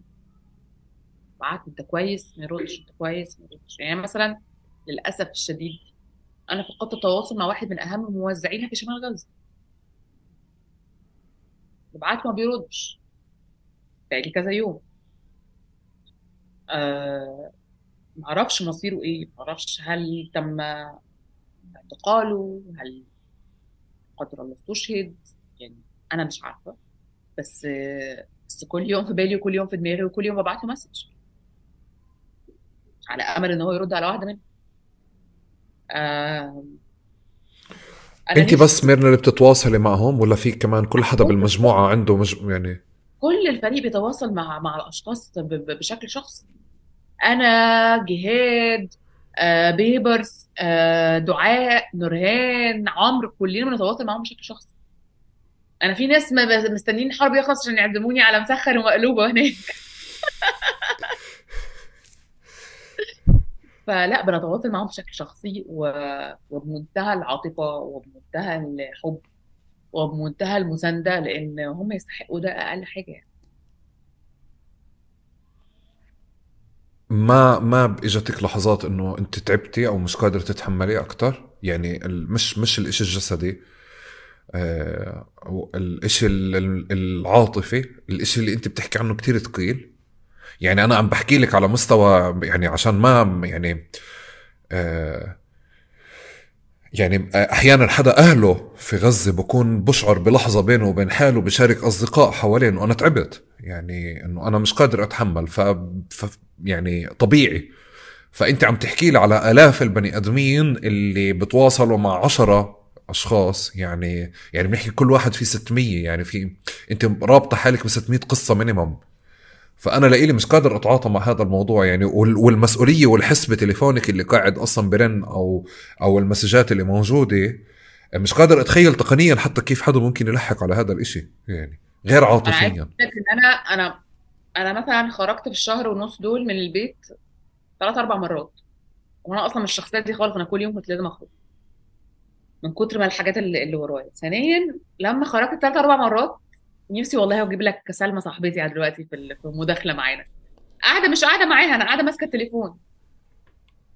وأنا أصلا قبلت إن أنا أخرج قلت لها بصي أنا هخرج معاكي بس أنا عارفة أنا هيبقى شكلي عامل إزاي وأنا خارجة معاكي. هبقى أنا قاعدة وباصة في تليفوني. لو ده مناسب ليكي ماشي. لو مش مناسب ليكي نتقابل بعد الحرب. يعني لأن لأن مش هقدر إن أنا يعني بص أنا أنا أنا جت عليا أيام والله العظيم والله العظيم بدون مبالغه مستخسرة انام لأن لو نمت في حد ممكن يبعت لي وأنا ما ردش عليه. لغاية ما الدكتور بتاعي قال لي انت لازم تنامي يعني لازم تنامي انت لو ما نمتيش هتنهار. أنا كمان كنت يعني لسه مخلصة من من أسبوع course بتاعي كنت باخده في لندن كتابة فده كان بيحتاج assignments إن أنا أسلمها تسليمات وحاجات كتيرة قوي. وعندي تصوير شغل. غير شغل ال marketing اللي كان لازم أ handle ه إن هو أوقف حاجات معينة وأتكلم مع ناس معينة حاجات كل ده مع بعضه في نفس الوقت كان انهيار. ولكن هو أحلى حاجة في Connecting إن أنت بتشوف تأثيرها في نفس اللحظة. يعني مش زي الحاجات اللي أنت بتعملها وبتجني ثمارها بعدين. انت بتشوف نفس اللحظه لما بتشتغل بتشتغل على case معينة في في في بعض الحالات بنشتغل عليها بالثلاث أيام. تليفونها في حاجة غلط مثلا أو ال network عندها معصلجة هو كده فاهم؟ مش هتقول لها بقى لا خلاص إحنا آسفين مش هنعرف نشغل لك لا أنا هفضل معاها في واحدة اسمها ريناد. والله العظيم لغاية امبارح بالليل أنا بقالي أسبوعين كل يوم بنجرب شريحة مختلفة. أقول لها والله العظيم ما هسيبك غير لما الإنترنت يشتغل فاحس المسؤولية و... وكونك بتشوف تأثير في. في التو واللحظة. طبعا في أيام جت عليا ببعت لهم على ال group أنا عايزة أقول لك حاجة ان احنا أعضاء الفريق كلهم مفيش حد فيهم قابل التاني خالص لغاية دلوقتي غير أنا وبيبرس مثلا عشان أعرفه من قبل كلنا يعني على group واتساب. هي دي وسيله التواصل معانا. ببعت لهم أقول لهم يا جماعة أنا النهارده off مش قادرة. أه حد تاني بيبعت جماعة آه، أنا النهارده هاخد إجازة بعد اذنكم بس لما تيجي تشوف هو كل واحد فينا مثلا في خلال الشهر ونص دول أخد إجازة يومين. مم. كل الناس حتى وبعدين خلي بالك مثلا إيه حد أنا هاخد النهارده إجازة أنا مش مش هدخل ولا هفعل شرايح عايز أتنفس عايز أخرج بتاع. نلاقيه جاي في نص اليوم. أنا فعلت 50 شخص. يعني مش بنقدر إن إن إن نبعد عن الموضوع لأن الموضوع بالنسبة لنا بقى شخصي وعاطفي جدا. طيب. آه أنا يعني أنا عم بسمع القصص و- وفخور يعني من مكان تاني إنه آه بتقارب قاعدين بنفكك الأشياء اللي بتنحكى بعناوين خاصة بالحرب. وبالضبط هيك يعني هي- هيك تقارب يعني هاد هادي غايته. بس أنا متفاجئ يعني كان عندي تصورات إنه في إشي لازم يتفكك بالقصة هاي وبدي أطلع القصة الإنسانية اللي فيه. بس لهلأ فعليا مش عم بستوعب كم التفاصيل اللي حتى تقنيا. يعني أنا إذا بقعد معكم مع أصحابك مش رح أعرف أتخيل كيف آه، كيف الإشي التقني. السؤال مك... بتاعك اللي, اللي كان قبل كده اللي هو بتقول لي أنت ما تعبتيش نفسيا؟ كان في interview مع حد أجنبي يعني. ففي آخر ال interview أنا كان ساعتها في أول. في أول حملة ما كنتش بنام. بنام كل يوم ساعة ساعتين. واصلا طالعة في ال interview عاملة كده ومش قادرة دلوقتي بقيت عارفة إن أنا اظبط وقتي شوية. فراح سألني في آخر ال interview راحت سألاني في آخر ال interview قالت لي are you okay انت كويسة؟ عيطت. مش كويسة. مش تعبانة قوي بس أنا عارفة إن أنا مش المفروض إن أنا أشتكي علشان خاطر في ناس تعبانة أكتر مني. ف وحاجة تانية مثلا أنا بقول لك مش بحب إن أنا والله العظيم أقول الكلام ده بس مثلا جهاد مثلا. هي من كتر أول كام يوم ما أنا وهي كنا قاعدين نفعل شرايح أنا وهي في أول كام يوم فعلنا 3000 شريحة. آه، من كتر ما قعدنا نفعل شرايح آه، كتفنا من هنا من مسكة الموبايل وجعتنا فبقينا بنحط فولتارين عليها مسكن للأربطة وللآلام علشان خاطر نقدر نكمل مسكة الموبايل بالأعصاب بكل حاجة بوظت الكتف. يعني أنا لغاية دلوقتي عندي كتف بيطرقع شوية اللي هو من كتر مسكة الموبايل بس قلت يعني إيه الدنيا بقت كويسة. بعد الحرب إن شاء الله أو بعد الدنيا تهدى أبقى أروح أعمل عليه أشعة. ف كلها حاجات آه، بنقعد نضحك عليها. يعني بنقعد نضحك عليها ونقعد نقول هنفتح محل موبايلات وكول سنتر بعد. بعد الحرب وهتبقى شغلانة تحفة خلاص بقينا متمرسين فيها. ف طبعا في تعب يعني بس بس الحمد لله لا يكلف الله نفسا إلا وسعها. من مكان تاني قلت لي قبل شوي إنه التحديات والصعوبات بتتجنبوا تحكوا عنها آه، بال- بالقصة هاي عشان ما تشتت الأنظار. بقصة طويلة مثل هذا الحوار فعليا بنفع نحكي عنها بأريحية. فبنفع تشاركين التحديات والصعوبات بال- بالحملة هاي؟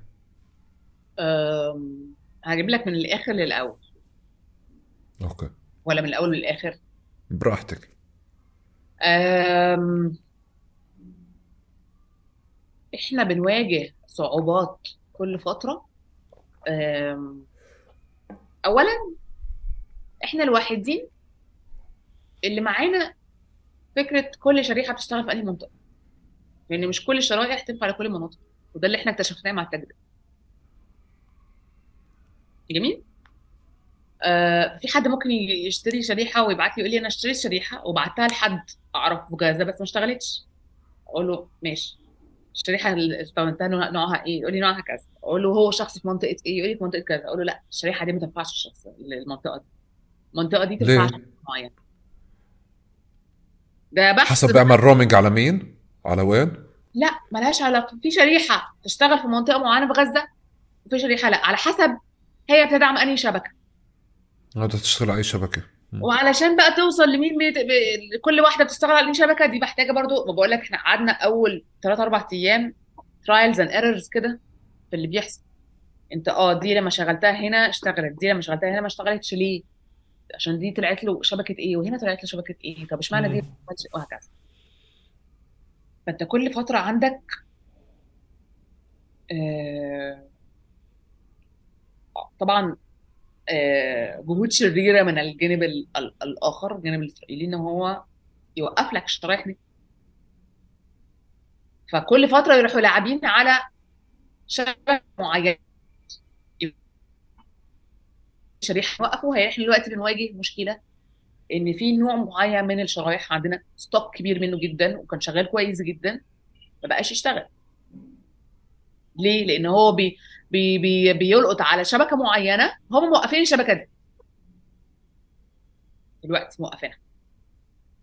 فبنروح للبديل. يعني الحمد لله الحمد لله ألف حمد ألف شكر إن إحنا مش بنعطل. إحنا دايما بنروح للبديل وبنلاقي حلول. بس مثلا كان صعب إن أنا أشرح حاجة زي دي مثلا للمتبرعين لأن مش زي ما قلت لك أنا مش عايزة أدخل حد في تفاصيل قوي ومش عايزة كلام ينتشر بشكل قوي بس أنا النهارده أقدر أقول ده لأن خلاص قدرنا إن إحنا نعرف الطريقة اللي إحنا نواجهها. وبقينا عارفين السقف كمان بتاع القطع أو المنع ده بيوصل لفين لأن هو في النهاية هو مش هيقدر يقطع كله. لأن كده هو بيقطع الاتصالات عن نفسه هو شخصيا. ف وعن أشخاص كتير جدا عايشين عنده. فبقينا عارفين سقفه في الغلاسة زي ما بيقولوا فين. وبنقدر نواجهه ون- ونحله يعني حتى لو بطريقة بتاخد وقت أكتر بس بنحله في الآخر. آه واجهنا طبعا آه، كم من الأشخاص المزقوقين على الحملة لاختراقها آه عدد مرعب. وكل شخص منهم لما تيجي تدور وراه وحواليه تلاقيه مربوط بيهم بشكل أو بآخر كتير جدا. في اشخاص إحنا واخدين ال screenshots لغاية دلوقتي علشان بعد بقى الحرب دي لما تخلص هنقول واحد اتنين تلاتة أربعة. ده وده وده وده. آه وانت بتبقى خايف لأن في النهاية انت بتواجه كيانات كبيرة جدا. زي ما بقعد أقول لهم على الجروب بتاع الواتساب بتاع الحملة إحنا في النهاية الحملة طلعت من مهندسين في القاهرة مش من فيينا يعني. يعني كلنا يعني ناس بسيطة. ف فبتبقى خايف. اولا خايفة ي- لا قدر الله يحصل أي حاجة حد بسببي يتأذي أو أنا أتأذي و... و... و... و... يعني وأهلي واجهوا مشكلة بسببي بس سيبها طبعا على ربنا. بس في أوقات لا كان بيبقى في توتر كبير ومحاولات اختراق كتير جدا سواء للإيميل سواء لأكونتاتنا الشخصية سواء لاختراق إن الناس تبقى عايزه تبقى جزء من الحمله عشان كده إحنا آه، قاسيين جدا في إن إحنا بنرفض كل أي طلب إن حد ينضم للحملة بتاعتنا. غير لو حد إحنا نعرفه شخصي.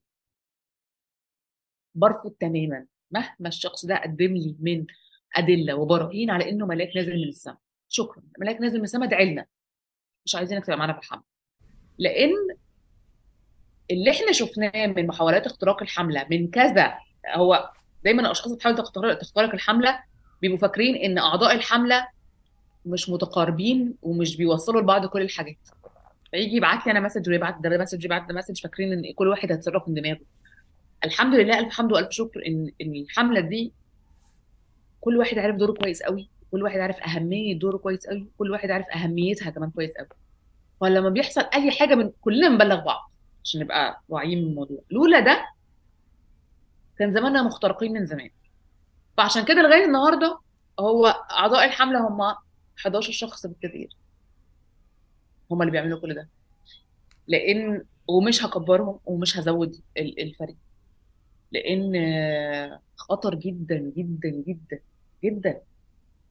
اولا أنت عندك أنت مستأمن على آه، تفاصيل شخصية لمتبرعين من الخارج. في دول أوروبية كتير دلوقتي بتقول لك أي حد له علاقة بفلسطين إحنا هنعمل فيه ونسوي فيه. الشخص ده خاطر باسمه حياته وفلوسه عشان يبعت لي حاجة موثقة فيها إن هو بيساند فيها حكومته آه، منعاها أنت لازم تحافظ على خصوصيتك كويس جدا. تاني حاجة أنت بتتعامل مع ناس في وسط حرب كيان تاني عايز يموتهم بأي شكل يتخلص منه بأي شكل من الأشكال. فأنت لازم برضو تحافظ على خصوصيتهم. يعني أنا فاكرة كان في وقت مرعب جدا جدا جدا في حملة Connecting غزة إن في حد ناس بتتصل بأشخاص فلسطينيين آه، في غزة تقول لهم إحنا من حملة Connecting غزة أنتوا موقعكم فين دلوقتي؟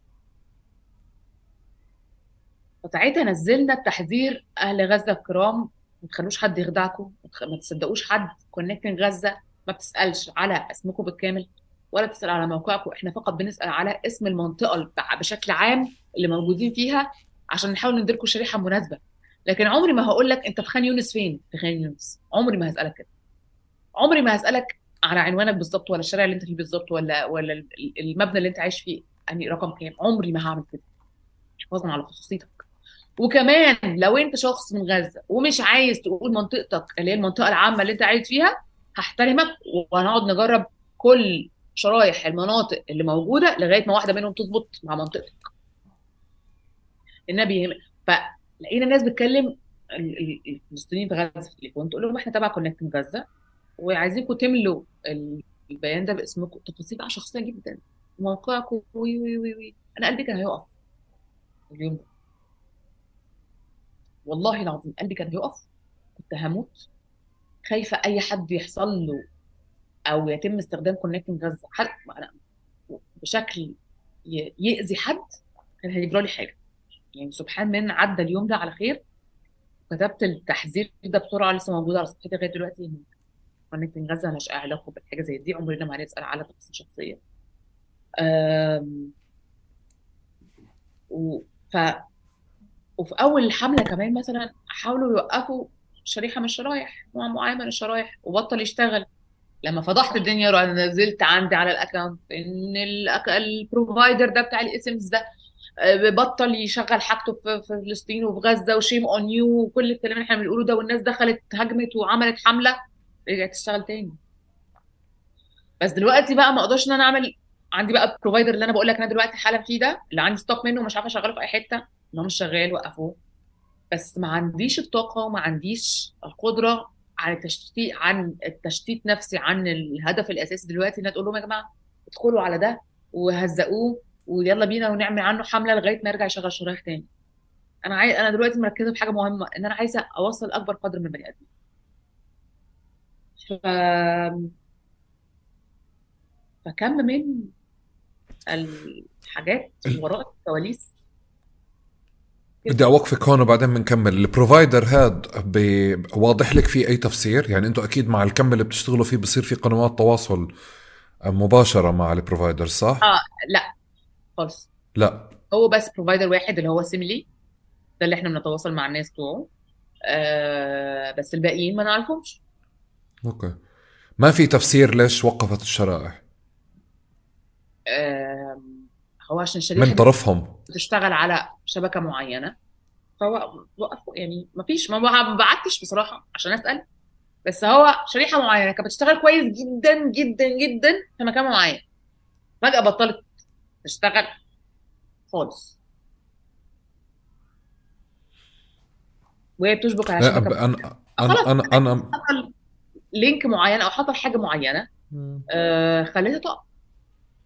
لا أنا بدي أحكي لك بغزة ال- آه، الناس لحالها بتحكي أصلا إنه بس تشبك أنت على شبكة إسرائيلية أو إذا الشريحة تبعتك شبكت على شر- شريحه على شبكة إسرائيلية وتعرفوا الموقع تبعك إنه في غزة بتم آه، بنعملها بلوك بعدين فبتبطل شغاله يعني. فهذا حكي أصلا موجود بس كنت عندي فضول أعرف إذا في تفسير. هم تقريبا فقدوا الأمل من كم الأشخاص.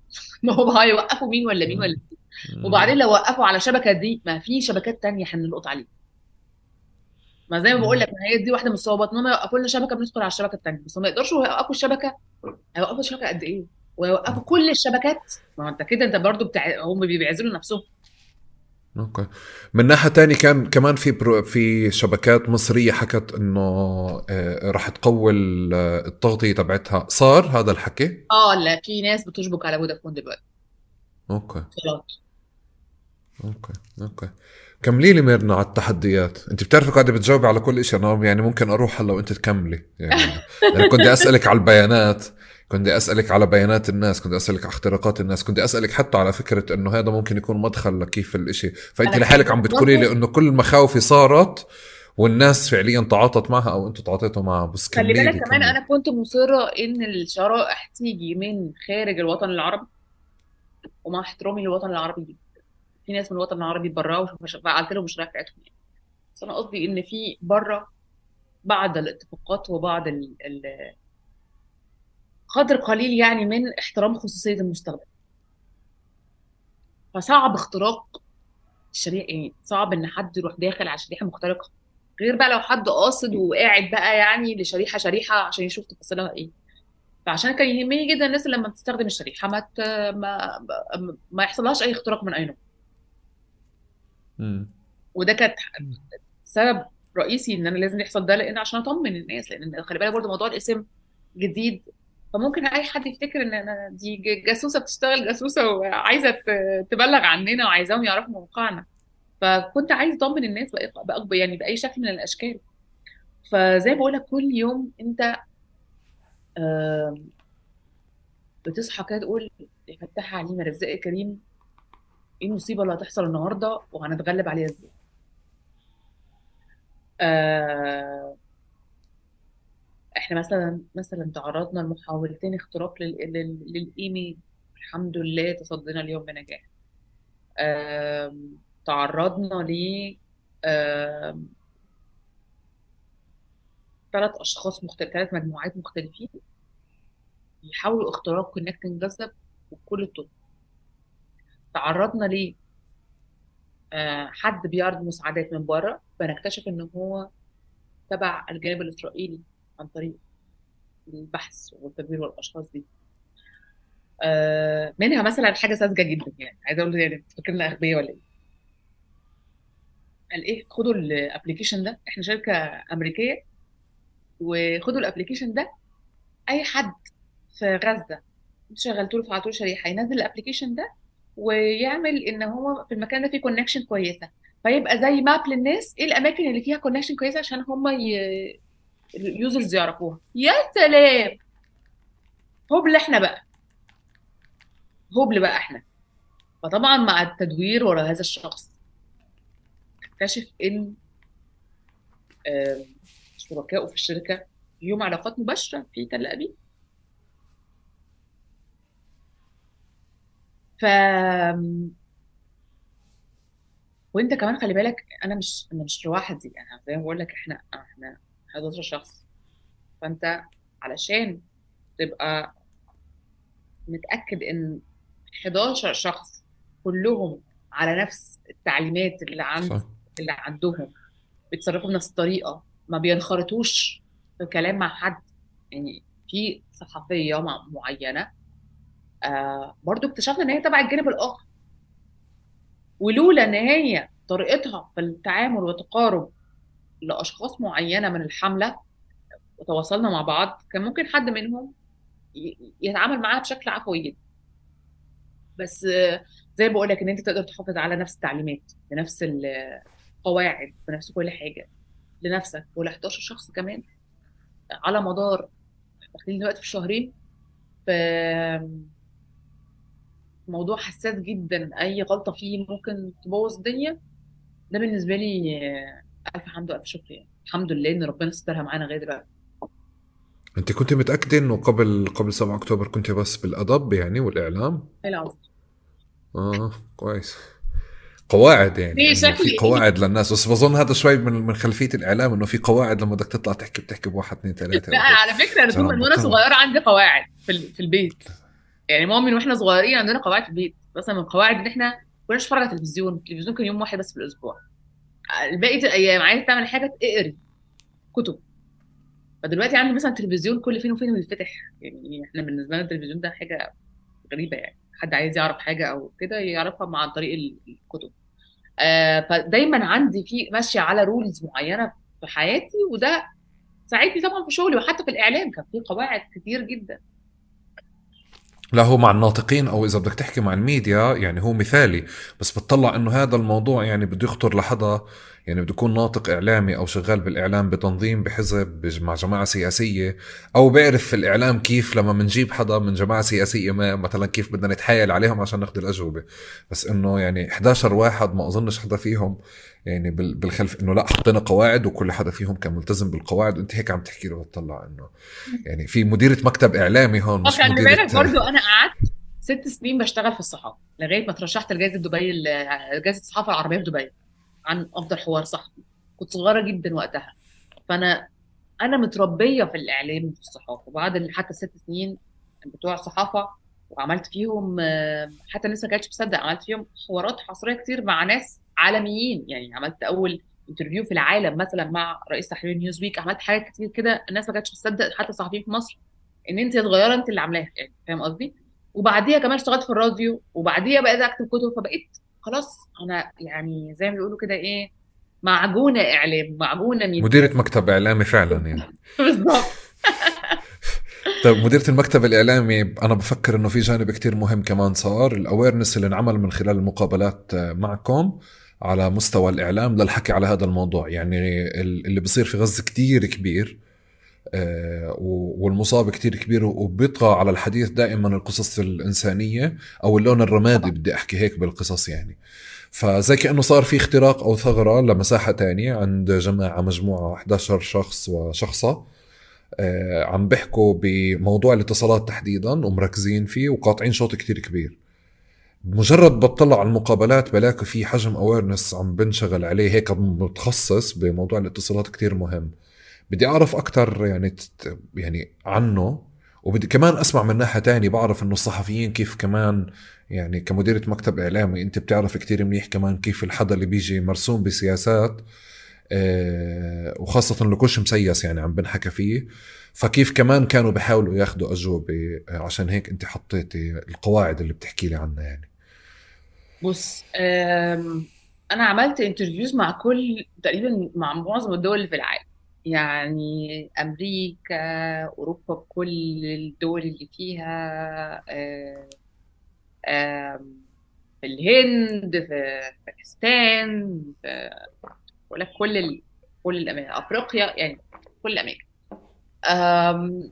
كتير منهم كانوا بيحاولوا زي ما بيقولوا كده يدسوا السم في العسل. اللي هو آه طبعا آه بس ده لولا بس إن هم عملوا الهجمات بتاعت 7 أكتوبر دي كان زماننا مش عارفة إيه. فهنا أنا محدش حاجة عندي في النهايه أنا واحدة فرد مالكه نفسي الحمد لله وربنا استر معايا. الحمد لله مش حاجة يعني. ف مش هسمح لحد يلون الحقائق فلا على فكرة هي مش 7 أكتوبر هي السبب. هو 75 سنة من القهر والظلم هم سبب. 75 سنة من السرقة 75 سنة من القتل 75 سنة من المذابح. فلا ما هو إحنا مش ناس مجانين. قررنا نصحى الصبح الساعة يوم 7 ننطلق. لا. الحكاية مش كده. ومعظم الناس في في الغرب بالذات عايزين الحدوتة تبدا تبدأ من هنا تبدأ من يوم 7 أكتوبر. رافضين إن هم يبصوا على الحدوتة من سنة 1948 ولما بتقول لهم كده هم بيحسوا اللي هو إيه ده؟ ده ده مش السيناريو اللي إحنا ماشيين عليه. مش السيناريو المكتوب لنا عشان نعمل الانترفيو. وأنا هرد أقول إيه؟ بيعطلوا. يعني من كتر ما هم متلقنين بيعطلوا هو بس عايز لك الجملة بتاعت do you condemn حماس for اكتوبر 7 لا يا عم. ها. تعالى بقى انت بقى قبل يوم 7 أكتوبر. انت ادنت مين؟ ولا اتكلمت في إيه؟ ولا قلت إيه؟ ففكرة برضو اللي هو إيه لوي الدراع دي أنا ما بحبهاش. لا في حياتي الشخصية ولا في حياتي العملية. يعني أي حاجة بتلوي دراعي فيها أنا بسيبها. قولي في داهية. ف... فكان لازم يبقى في توعية إن الحياة لم تبدأ في 7 أكتوبر. الحياة بدأت بقالها 75 سنة والمذابح بدأت بقالها 75 سنة. ف مش كل الناس عارفة ده مش كل الناس عندها عندها ال- ال- التوعية دي لأن أنا دايما كنت بقول كمان إن ال ال ال 2023 أحداث 2023 دي بالذات ال social media ليها دور مهم جدا جدا عن كل الحروب والأحداث اللي قبل كده. آه حجم التوعية عن طريق ال social media كان الأول هم شاطرين قوي في الحتة الإعلامية وكانوا هم شاطرين قوي في حتة الميديا. إحنا تفوقنا عليهم ده أكيد في 2023 في الحتة دي. بكم الناس اللي طلعت اتكلمت وعملت فيديوهات ب... بالناس اللي كتبت threads على إكس وعلى تويتر آه بالأحداث التاريخية من الأول من أول ما قالوا ما قبل ما ما تم يتم إقامة إسرائيل أصلا. إزاي تم قيمه إزاي إسرائيل دي وعلى جثث الناس وعلى وعلى مذابح وعلى جرائم؟ الناس ما كانش عندها اويرنس بده. لأن كانت ال- الرواية الإعلامية اللي موجودة هي رواية الاحتلال الإسرائيلي فقط. بس لما حصل ال- الحدث الأكبر أنا بوجهه نظري القضية الفلسطينية وعدد 7 أكتوبر آه وتبعاته بقى على الشعب الفلسطيني آه بقى في لا بقت الناس بتتكلم بقى في توعية أكبر وفي اويرنس أكتر بالقضية الفلسطينية من بدايتها مش بس من 7 أكتوبر. فاعتقد ده واجب على كل شخص بيتكلم مع الإعلام الغربي إن هو إحنا إحنا مش بنتكلم في حق الشعب الفلسطيني في أرضه عشان اللي حصل في غزة لا إحنا بنتكلم ما قبل بقى كمان. أنت عندك حتة أرض كبيرة ما بقاش فيها حتة صغيرة قد كده اللي بقت فلسطين. ما ينفعش. ده أصلا يعني إحنا لازم يعني تحس إن في إيه الناس من كتر ما هي اتعودت على موقف معين بتتعامل على انه هو الأساس والباقي فرعات لا تعالوا نتكلم في الأساس اللي هو مش أساس أصلا. إن ال- الأرض دي كلها اللي وراك دي اللي أنت حاططها كده على الحيطة اسمها فلسطين اسمهاش إسرائيل. وبقت اسمها إسرائيل علشان حصل واحد اتنين تلاتة أربعة واللي ساندهم واحد اتنين تلاتة أربعة. ومسؤوليته والمسؤولية بتقع عليهم كاملة. ف وبرضه فكرة كمان إن أنت هما الناس بتخوفك دايما بفكرة الإيه؟ الإسلام السياسي. يعني مثلا تقول لك إيه؟ حماس مش عارفة إيه الحاجات. طب يا باشا ما قبل وجود حماس. كانت الناس بتموت برضه. يعني ما قبل وجود هذه حركات المقاومة دي. ما هي الناس كانت بتموت وبيحصل مذابح وبيحصل يعني هم أصلا ناسيين إن في ما بين المصريين وما بين إسرائيل حرب. لسنين طويلة. وشفنا أجدادنا وهم بيدفنوا أحياء في, في, في, في مدافن جماعية. وشفنا أجدادنا وهم بيستشهدوا في حروب. وشفنا مذبحه بحر بحر البقر طلاب أطفال ماتوا بسبب غارات جوية إسرائيلية عليهم. فاللي هم بيعملوه ده مش جديد إحنا شفناه. شفناه بقالنا سنين متعودين عليه. هم مش هو فاكريننا ناسيين بس إحنا ما بننساش. أو على الأقل أنا ما بنساش لأن أنا أنا خلي بالك عندنا تقليد سنوي اسمه 6 أكتوبر. 6 أكتوبر ده مامي بتجيبنا تقعدنا نقعد نسمع أغاني الحرب وتقعد تكلمنا عن الحرب و آه، العبور وعن الأحداث وعن الناس لما حصل النصر حصل إيه وشكل الشوارع كان عامل إزاي والنكسه كانت عاملة إزاي الناس كانت عاملة إزاي وبعد الانتصار بقت عاملة إزاي. أنا متربية على ده. أنا متربية على إن هي دي العدو. مفيش حاجة تغير لي ده. اسمعي أنا بعد الحوار هذا بظن لازم ترجعي تفحصي تاريخ أمك. رحت لك اياها بمكان ما شغالة مع مع منظمة التحرير بسنه من السنين ومخبي عليكي والله يعني ال- اللي بتعمله أمك تعبئة هذا مش يعني عم بتعبئ أجيال يعني وحاطة أيوه قواعد وهيك في البيت. إمتى تحضر اللي تلفزيون فات أكيد عسكرية. 6 أكتوبر. أنا كنت مسافرة عشان أقول لك 7 أكتوبر أنا كنت في ألمانيا. قبليها بكام يوم كان ذكرى حرب أكتوبر يعني. فكانت موجودة معايا. إحنا قعدنا نتفرج على فيلم جولدا مع بعض. وبقينا نوقف كل شوية الفيلم. وتقعد تحكي لي أحداث في الوقت ده بتحصل في مصر. آه ده لما كذا كذا كذا والسادات عمل كذا وحصل كذا كذا كذا.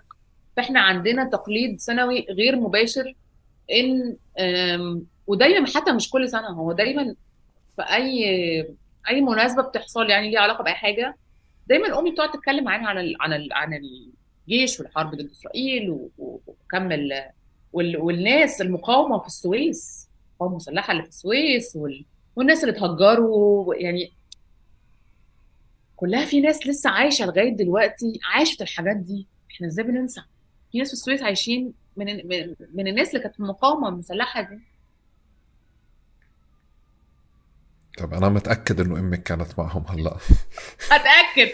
هتقالها ما بيني لا أنا يعني يعني أنا مش بتعرف على الشعب المصري هلأ. يعني أنا بعرف وين المستوى التعاطف اللي ممكن يضل عاطفي. بعرف وين ممكن يصير يعني هيك عشت وبعرف وبعتبر حالي أصلا يعني ربيت في في في في في مصر. بس بس لا اللي أنت بتحكيه هون واضح إنه في حدا مسيس و وبيشتغل تعبئة أو تنظيم يعني ما آه أكيد. يعني هي مخبي عليك بس يعني. فانت بدك تفحصي وتدوري. عندك بعد Connecting Gaza Connecting مام هيك بدك تدوري عليها. أيوه عارف كل تاريخها ميرنا كنت آه، بشوف واحدة من المقابلات فالناس بتسألك كانت أو المذيع عم بسألك إنه آه، إيش مستقبل Connecting Gaza فأنت بتردي عليه وبتقولي له إنه بتمنى ما يكونش في مستقبل يعني. لأنه إذا في مستقبل بيعني هذا الحكي إنه في الإبادة الاجتماعية الاجتماعية الإبادة الجماعية عفوا مستمرة. وبيعني هذا الحكي فعليا إنه إحنا في داعي لأن أنت بمكان ما بدك يكون في داعي لإلك.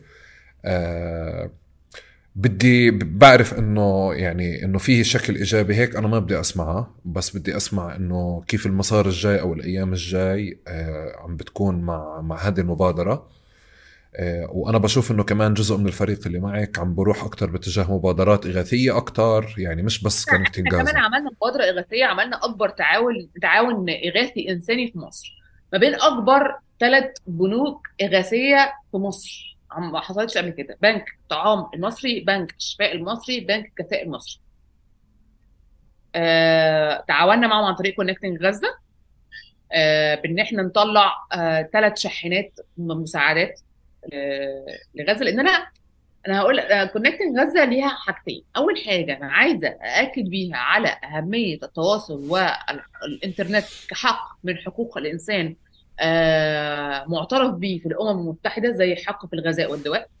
لأن إحنا دلوقتي إحنا خلاص في 2024 مش لسه هنتكلم نقول الإنترنت مهم ولا لأ ودينا شفنا أهو في, حدث كبير و, غزة. الإنترنت كان مهم قد إيه في الكشف عن الحقيقة ومساعدة الأشخاص وحماية الأشخاص وإنقاذ الأشخاص كمان.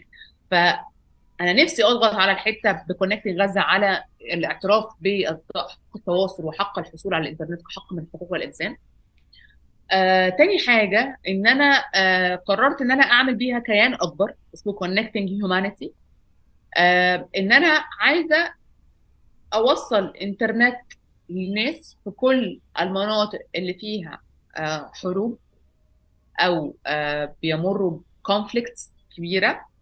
وكمان أساعد في حصول اللاجئين في مختلف دول العالم على آه، إنترنت يقدروا يمارسوا بيه حياتهم الطبيعية عن طريق التبرع بالشرائح ده اللي فكرت فيه آه، فيما يخص مستقبل Connecting غزه أو Connecting Humanity يعني.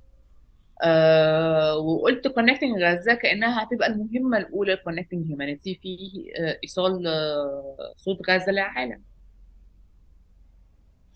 وأنت بت... أنت بلشت تفكري بال... بالتوسع هذا الكبير وواعيه لحجمه؟ أيوه. إن شاء الله نكون قد. إن شاء الله. إن شاء الله. انت بتعرفي في إشي بال... بال... بالحرب؟ هلأ الكل بيبعد عنه حتى بقرار سياسي وعسكري اليوم التالي للحرب يعني إنه ما في حدا بده يفكر فيه. ف لأنه و... لأنه هلأ بال... بالحرب وهي شغالة ففعليا يعني بكون الواحد بيتخذ قرارات آه... آه، ممكن اقتصاديا سياسيا اجتماعيا نفسيا عاطفيا ممكن تكون غلط. فيعني أنت عم رايحه باتجاه هلأ آه، توسع قرار توسع بشيء آه، يعني كتير كبير. الحمد لله أنا مش عايزة برضه أقول كلام كبير قوي بس أنا حسيت إن إن أنا لقيت جزء من أكبر أهدافي في الحياة. يعني حصل ده نور بصيرتي ونور طريقي بشكل كبير جدا وخلاني أحس إن لأ انت تقدري تعملي حاجات كتيرة قوي عن طريق ال tools اللي معاكي تساعدي بيها وتفيدي في حياة أشخاص فعلا على أرض الواقع. مش مجرد إن انت تبوستي stories و post بس.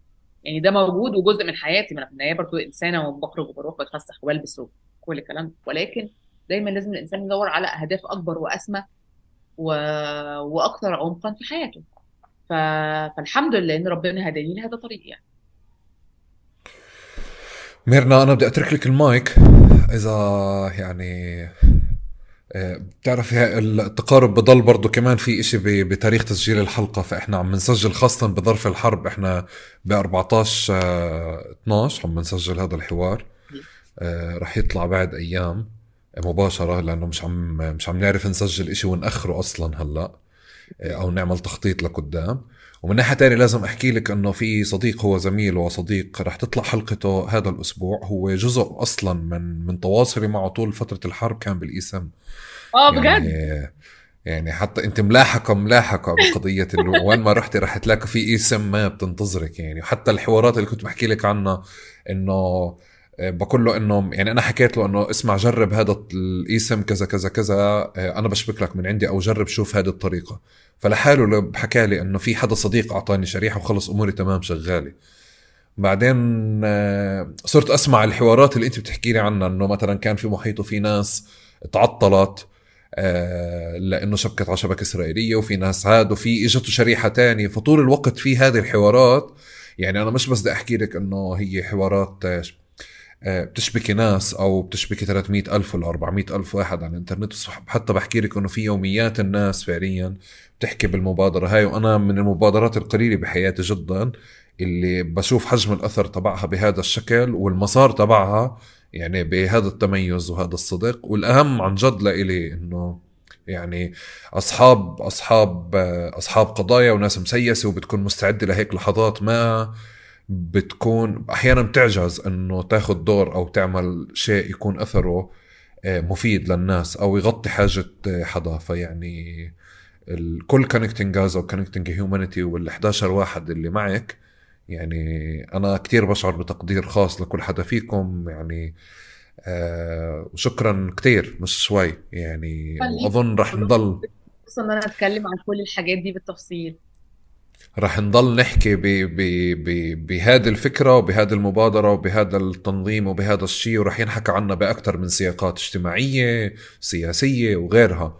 يعني أظن حتى قلت لك بأوائل التلفونات أنه فكرتنا عن الناس اللي ممكن تتفاعل بهيك بهذه الأشياء آه يعني مع صديقة لإلي نعم نمشي على timeline على تويتر بنعرف ناشطين وموجودين هناك فحتى بتصيبنا خيبات أحيانا من الناس.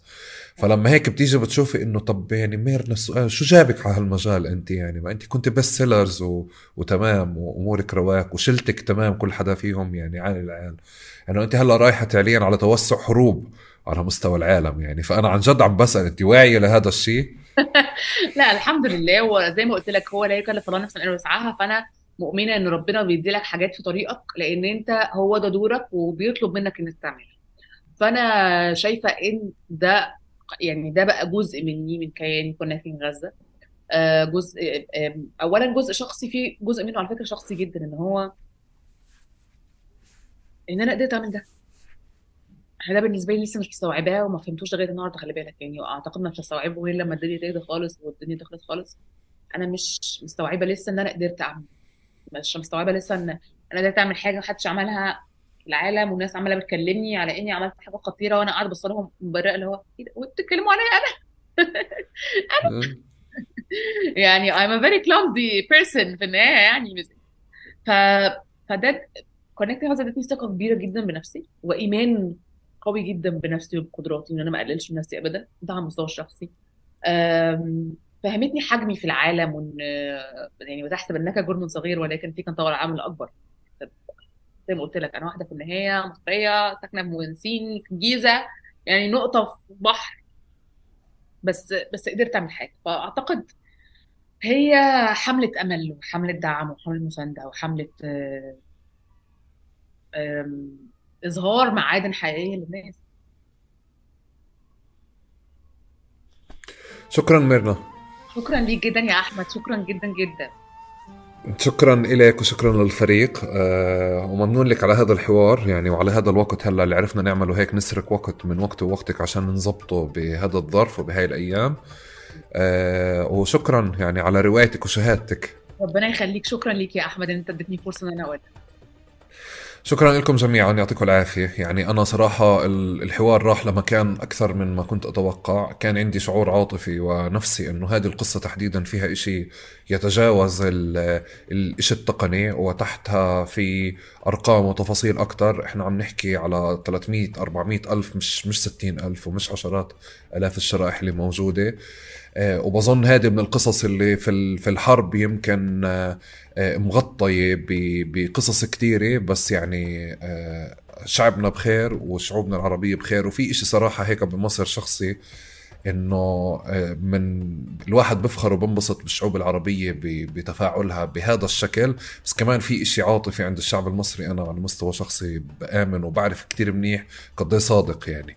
فهذا كان جزء أساسي أصلا من إصراري إنه بدي أعمل هذا الحوار بهذا الظرف كمان لأنه هذا مدخل لمداخل كثيره وشكل مبادرة من مبادرات كثيره بيعملوها يعني المصريين بكل صدق وبكل أثر. آه، شكرا كثير لكم بنشوفكم بحلقة قادمة.